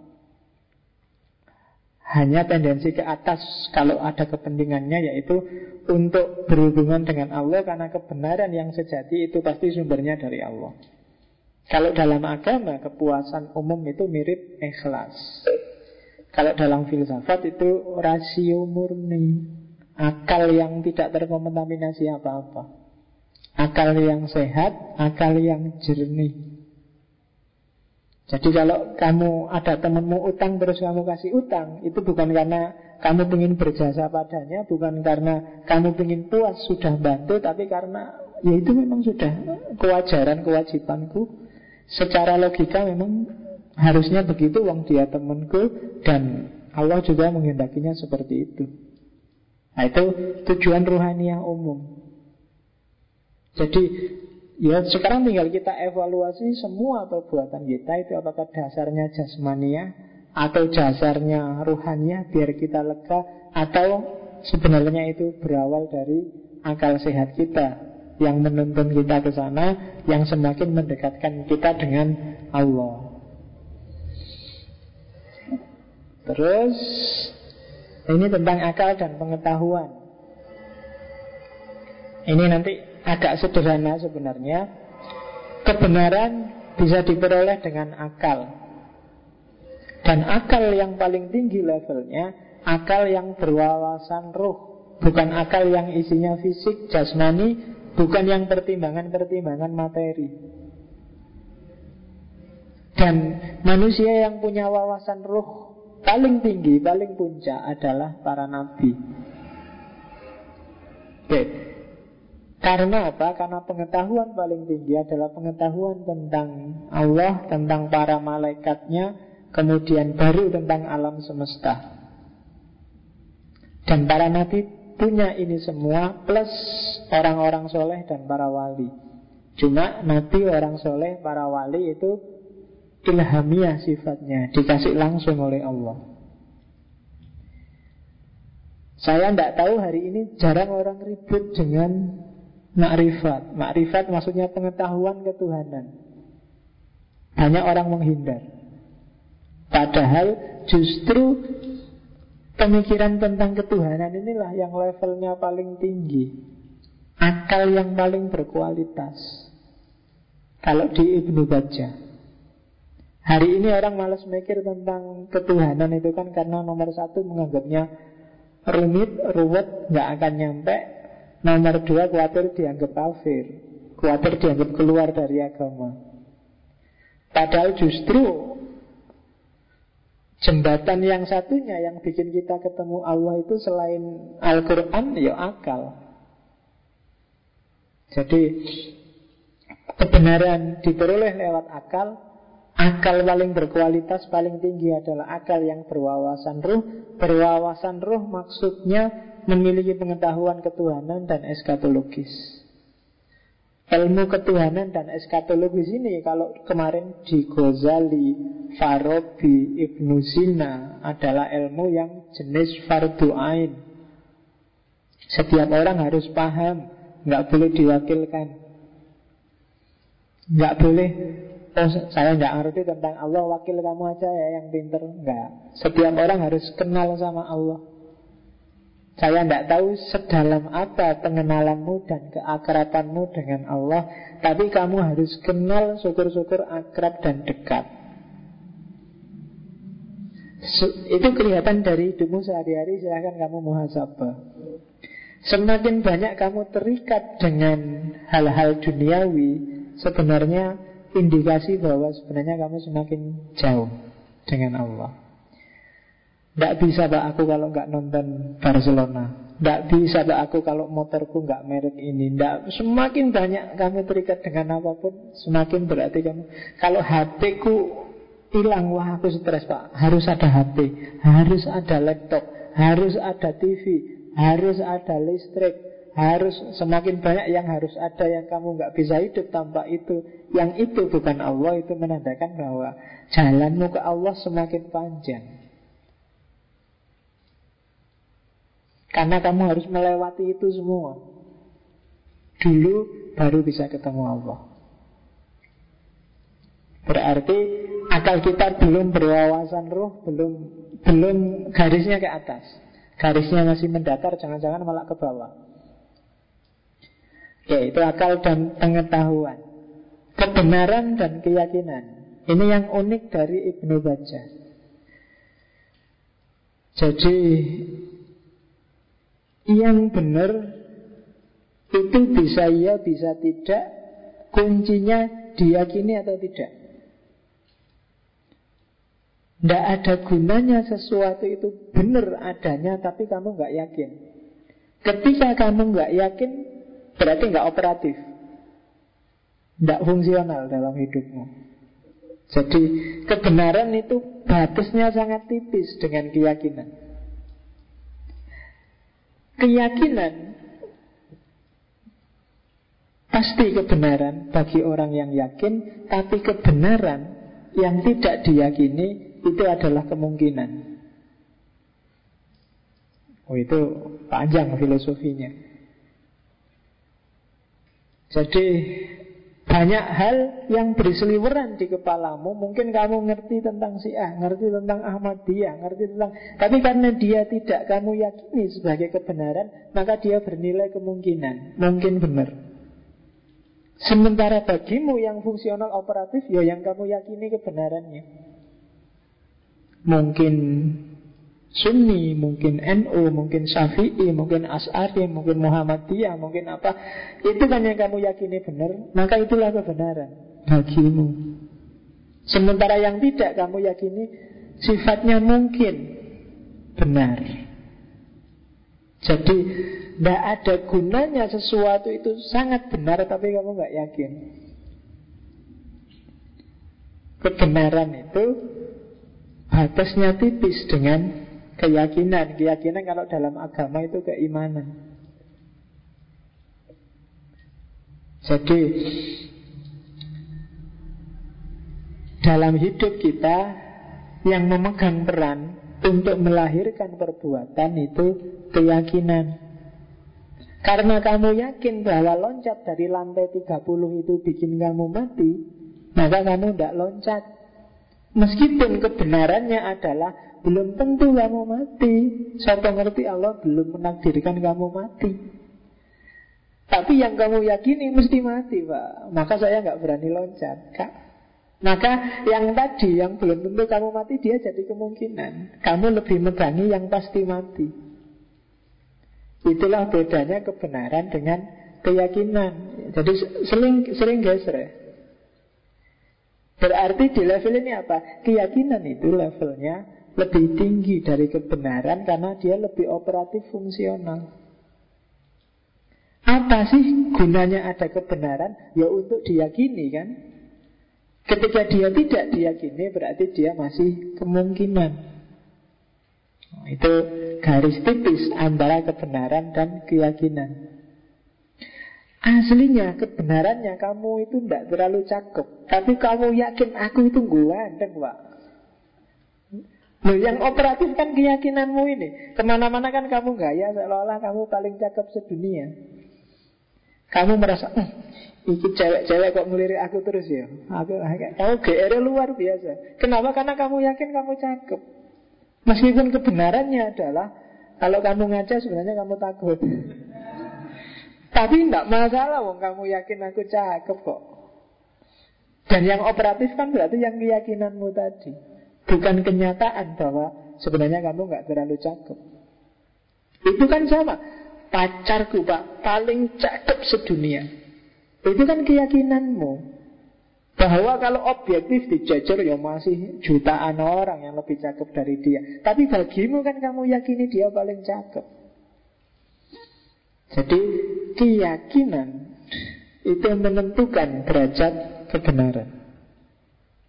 Nah itu Ibnu baca. Ya, makanya tak sebut filsafat itu ya kayak gini nih. Jadi menelusuri hikmah kecil-kecil yang selama ini kita lewat. Kita kadang nggak mikirin sampai ke situ. Kok sempet-sempetnya Ibnu baca mikir sampai ke situ. Dan dia mikirnya ribuan tahun yang lalu kok ya baru hari ini kita kenal ya. Harusnya kan sejak lama biar kita nggak gampang ngamuan. Oh ternyata urusannya bukan mana yang benar, tapi mana yang diyakini. Jadi kalau ada orang ribut, ini yang benar NU apa Muhammadiyah, ini yang benar A apa B, ini yang benar Sunni apa sih A. Masalahnya bukan kebenaran, tapi mana yang diyakini. Karena dia meyakini si A lebih benar, dia jadi si A. Karena kita meyakini Sunni lebih benar, kita jadi Sunni. Urusannya itu Maka perjuangannya bukan kebenaran. A mengalahkan kebenaran. B Tapi siapa meyakini apa? Masalahnya di situ. Oke. Sekarang tentang jiwa. Saya agak cepat ya. Hasrat imajinatif, hasrat menengah, hasrat bicara. Itu kalau ini namanya dayanya jiwa. Ada unsur-unsurnya jiwa. Imajinatif itu hasrat yang fitri, fitrah Kalau hasrat menengah itu hasrat yang kebutuhan seni, kebutuhan ilmu, kebutuhan mobil itu hasrat menengah. Sifatnya material. Kalau hasrat bicara itu hasrat untuk eksis, jadi hasrat hasrat jiwa yang sifatnya imajinatif itu hasrat yang sifatnya fitrah kita punya sejak lahir. Hasrat jiwa yang sifatnya menengah, hasrat yang kita bikin saat kita bergaul di dunia, saat kita hidup di dunia. Saya ingin makan KFC ya, saya ingin makan gudeg ya, hasrat makanan. Hasrat rumah, saya ingin rumah besar, saya ingin saya ingin lagu dangdut, saya ingin joget, saya ingin ilmu filsafat, saya ingin ilmu matematika, saya ingin itu hasrat menengah. Kalau yang imajinatif dibekalkan sejak sebelum kita lahir, kalau menengah hasil dialektika kita dengan kenyataan sehari-hari. Kalau hasrat bicara, hasrat ruhaniah kita untuk tampil, untuk eksis. Kadang-kadang demi bisa tampil ini kita mengalahkan yang menengah, mengalahkan yang imajinasi. Jadi jiwa kita punya tiga keinginan. Ada keinginan yang dibekalkan sejak sebelum kita lahir Naluriah Sayang anak, sayang orang tua Menghargai yang lebih tua itu sebenarnya naluriah. Ada yang sifatnya menengah. Pingin celana jeans, pingin laptop yang terbaru, pingin HP yang terbaru, pingin rumah yang megah, pingin itu hasrat menengah. Ada hasrat berbicara, pingin eksis, pingin dikenal, pingin terkenal, pingin, nah itu hasrat bicara. Oke, itu daya jiwa. Ada hasrat yang paling tinggi di luar yang empat, yaitu hasrat untuk kekal atau berhubungan dengan objek yang kekal. Jadi jiwa kita sebenarnya merindukan kekekalan, bukan yang sementara. Karena yang sementara itu biasanya selalu mengecewakan. Dan semua yang fana itu sifatnya sementara. Maka sebenarnya jiwamu itu merindukan bergabung dengan yang kekal. Hanya saja tiga hasrat yang di atas itu sering jadi penghalangnya. Enggak itu pak, saya enggak merasa pingin-pingin amat untuk dekat sama Allah Kenapa? Karena ada tiga hasrat yang menghalangi sebelumnya Sebelum kita bisa melampaui tiga hasrat yang di atas Kita tidak akan bisa nyampe di hasrat yang puncak. Kita tidak akan bisa mengenali apa sebenarnya keinginan jiwa kita. Itu tentang jiwa. Oke. Daya jiwa ini saya agak cepat karena gampang penjelasannya. Daya nutritif itu sebenarnya hasrat tadi, hasrat untuk tumbuh, untuk berkembang, untuk reproduksi itu namanya daya nutritif. Ada daya persepsi dan imajinasi. Panca indera, akal, imajinasi. Kuncinya tiga yang tak kasih tanda kuning itu. Panca indera, teman-teman sudah kenal Imajinasi itu hasil dari panca indera yang kita simpen di pikiran, yang kita olah sendiri, menghasilkan sesuatu tanpa harus ada hubungannya dengan realitas. Lihat TV, lihat artis cakep-cakep, lihat penyanyi, kok enak ya jadi terkenal terus imajinasinya main. Seandainya aku yang jadi artis itu main sinetron, wah enak ya pasangannya. Itu kan kamu ngarang dewe kan?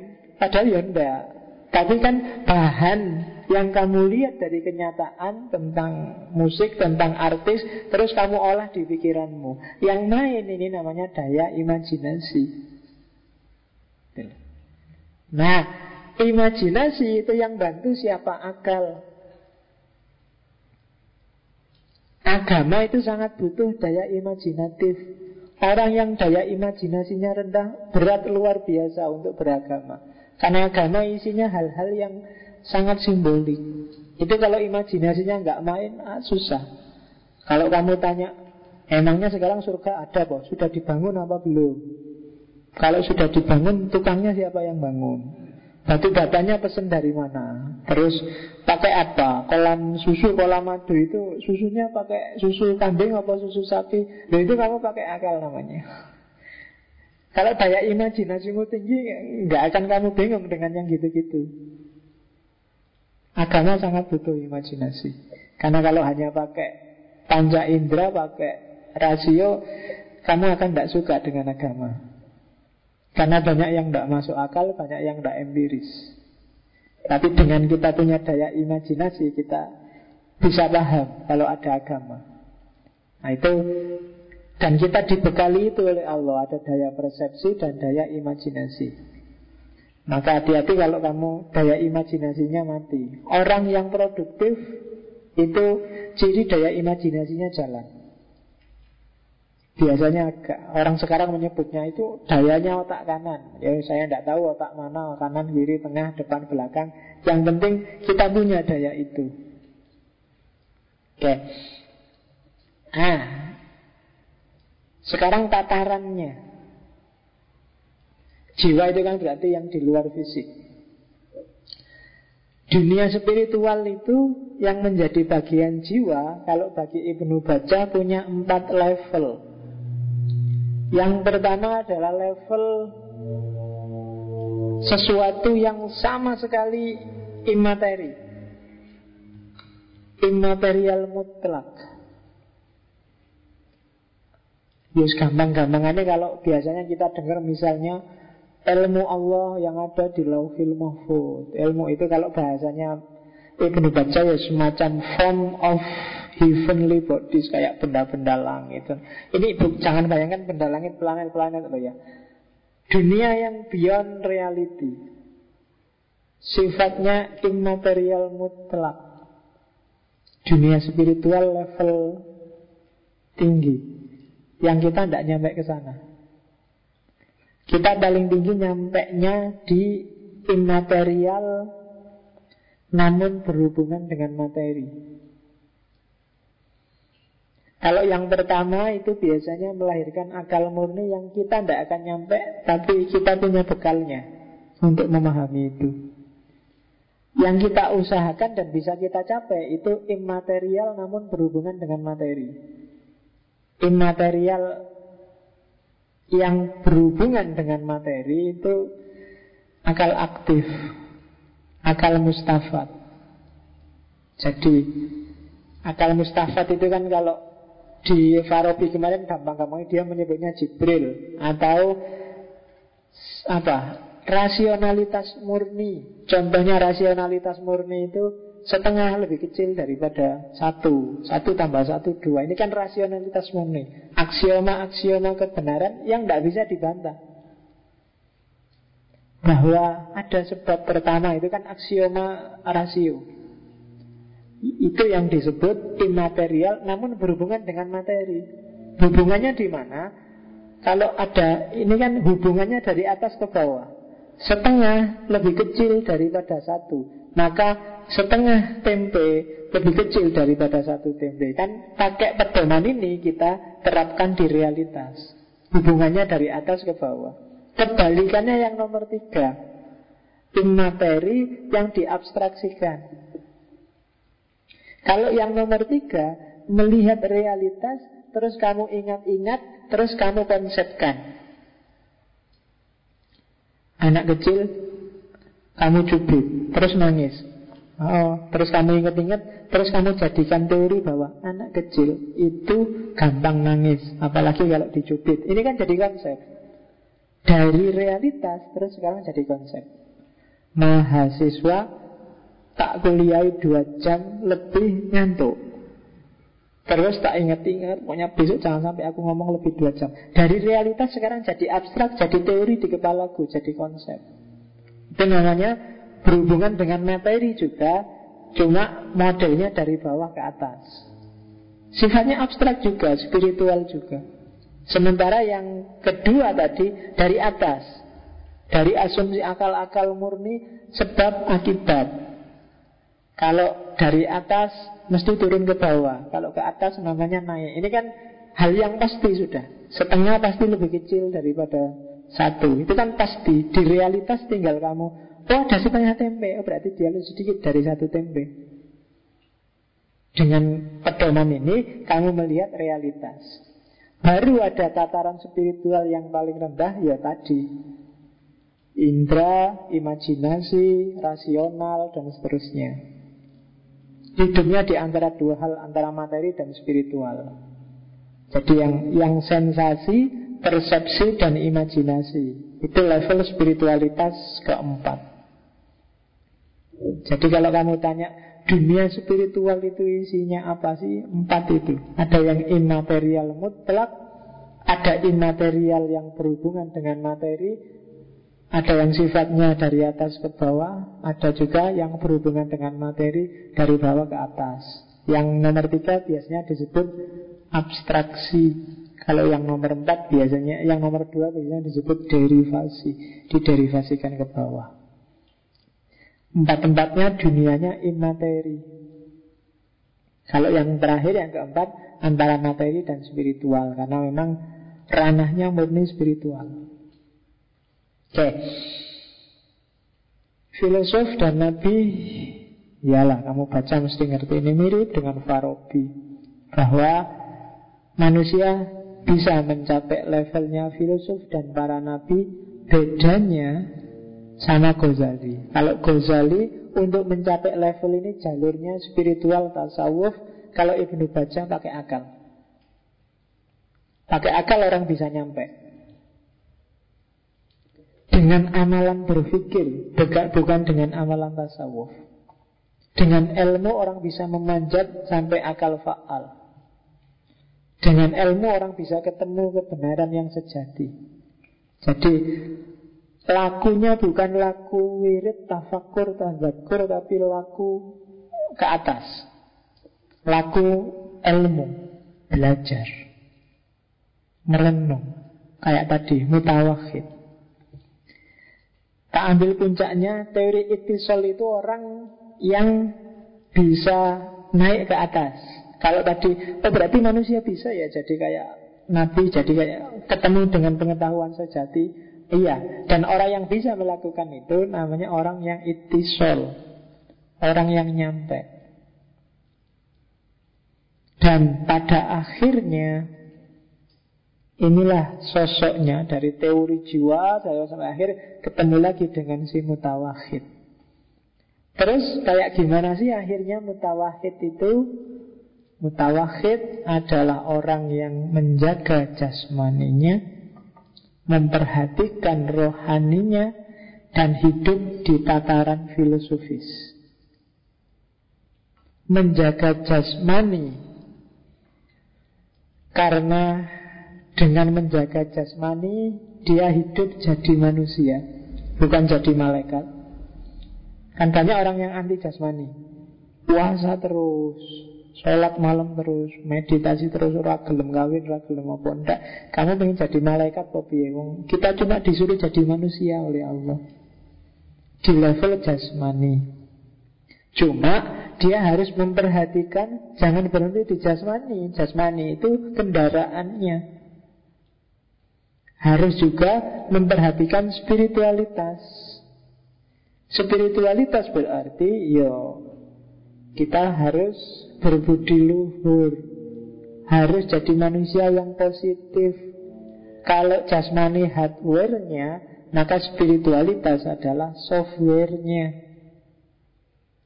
Cuma jasmani dan rohani, spiritualitas dan fisik itu tidak ada artinya kalau manusianya sendiri nggak sadar.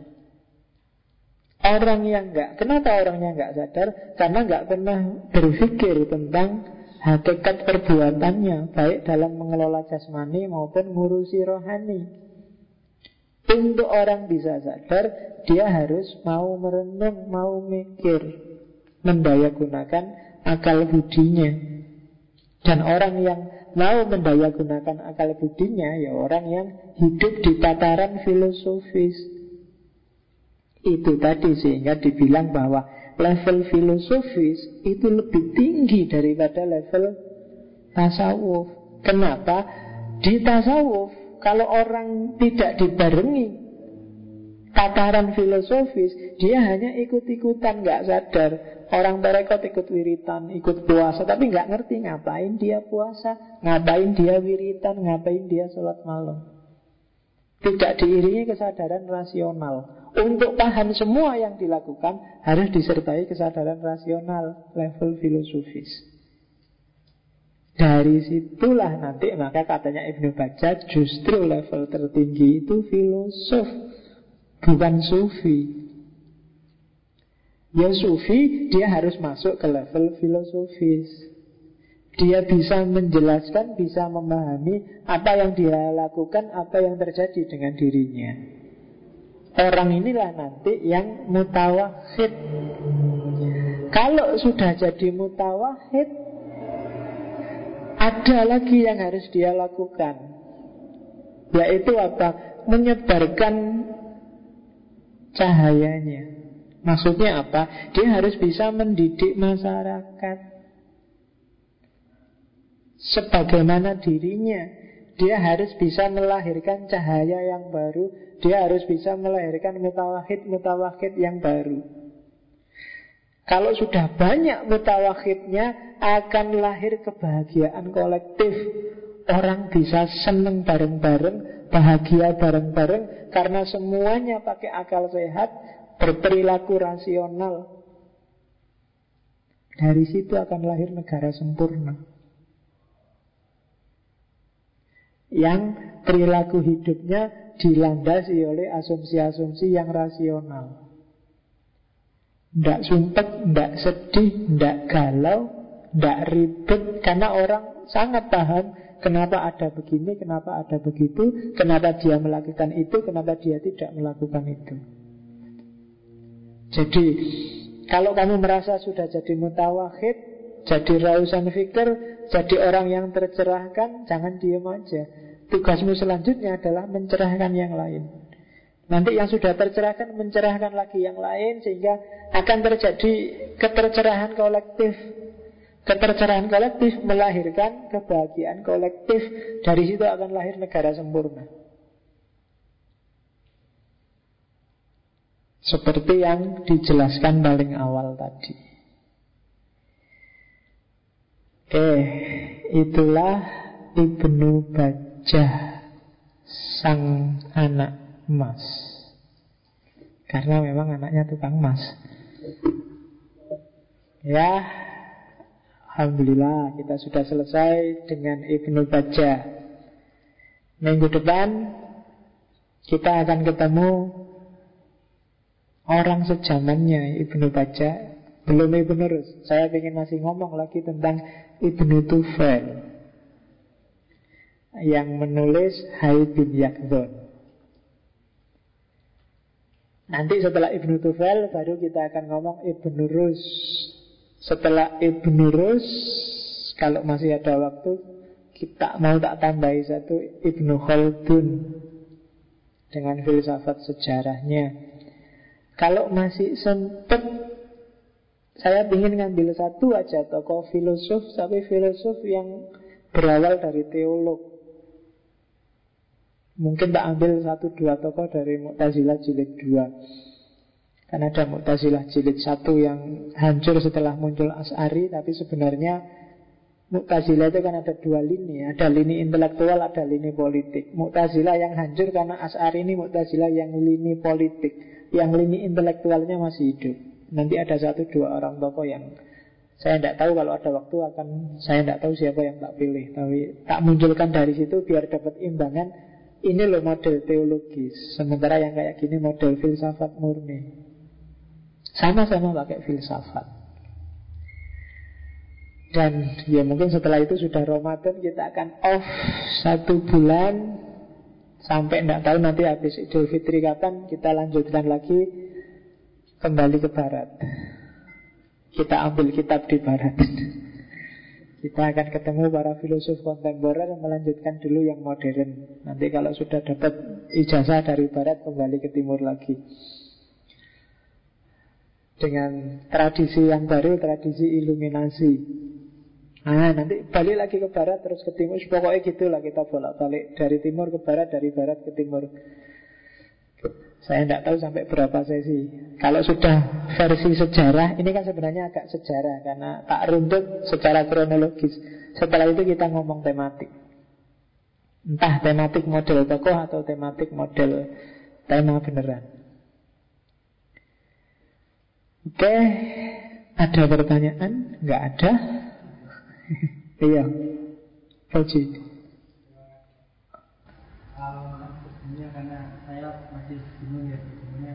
Fauji.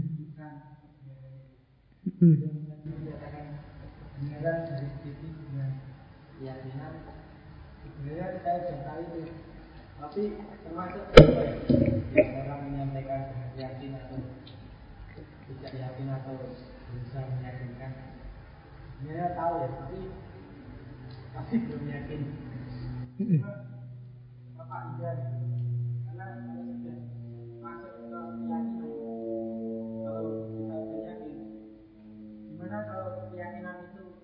keyakinan kita itu salah?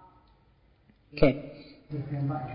Yang kedua, uh, saya kalau pas bedanya kemarin mungkin saya belum itu itu apa bedanya kalau agnostik itu apa bedanya ragu-ragu dengan hati-hati gitu. Oke.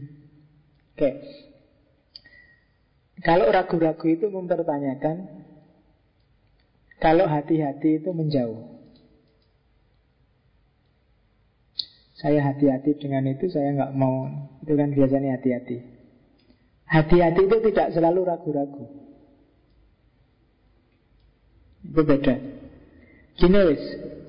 Kalau di Tadbirul Mutawahid Ibnu Bajah tidak sedang ngomong hakikat kebenaran Tapi ngomong Bagaimana kondisi kebenaran Dalam diri manusia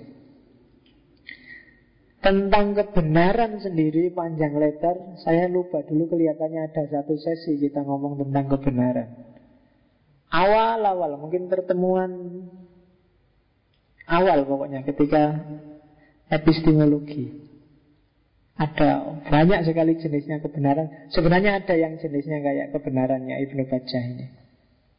Kan ada tataran-tatarannya kebenaran. Ada di level subjektifnya, di level intersubjektifnya, di level terus jenis-jenisnya macam-macam. Kamu cari itu. Aku lali ya, kamu tanya takmir lah, cari sesi tentang kebenaran, sesi keberapa. Nanti kamu copy slide-nya. Kalau tak jelasin di sini ngulang, nanti panjang lagi. Kasihan rekamannya nanti double. Ya. Ya, kamu baca aja itu ada sesi di awal-awal karena ini dulu awalnya kan ada epistemologi, terus ada logika, ada hermeneutika, ada panjang, baru terus masuk ke sejarah. Jadi tentang kebenaran totalnya kamu lihat di situ. Cuma Ibnu Baca tidak sedang ngomong hakikat kebenaran, tapi ngomong tentang fungsi kebenaran dalam diri manusia. Sehingga operatifnya ternyata sangat dekat dengan yang namanya keyakinan dalam diri kita. Bahwa orang bisa salah, ya. Tapi salah pun kalau itu diyakini kan terus jadi operatif. Jalan dengan itu. Ternyata dalam prakteknya selalu juga begitu. Ada aliran sesat, ada aliran lurus. Kita tidak tahu yang benar-benar sesat yang mana. Pasti di antara aliran-aliran ini ada yang sesat. Tapi kan semua jalan kenapa? Karena masing-masing meyakininya. Itu yang dilihat oleh Ibnu Bajjah. Oke ya, sudah? Nah, ya.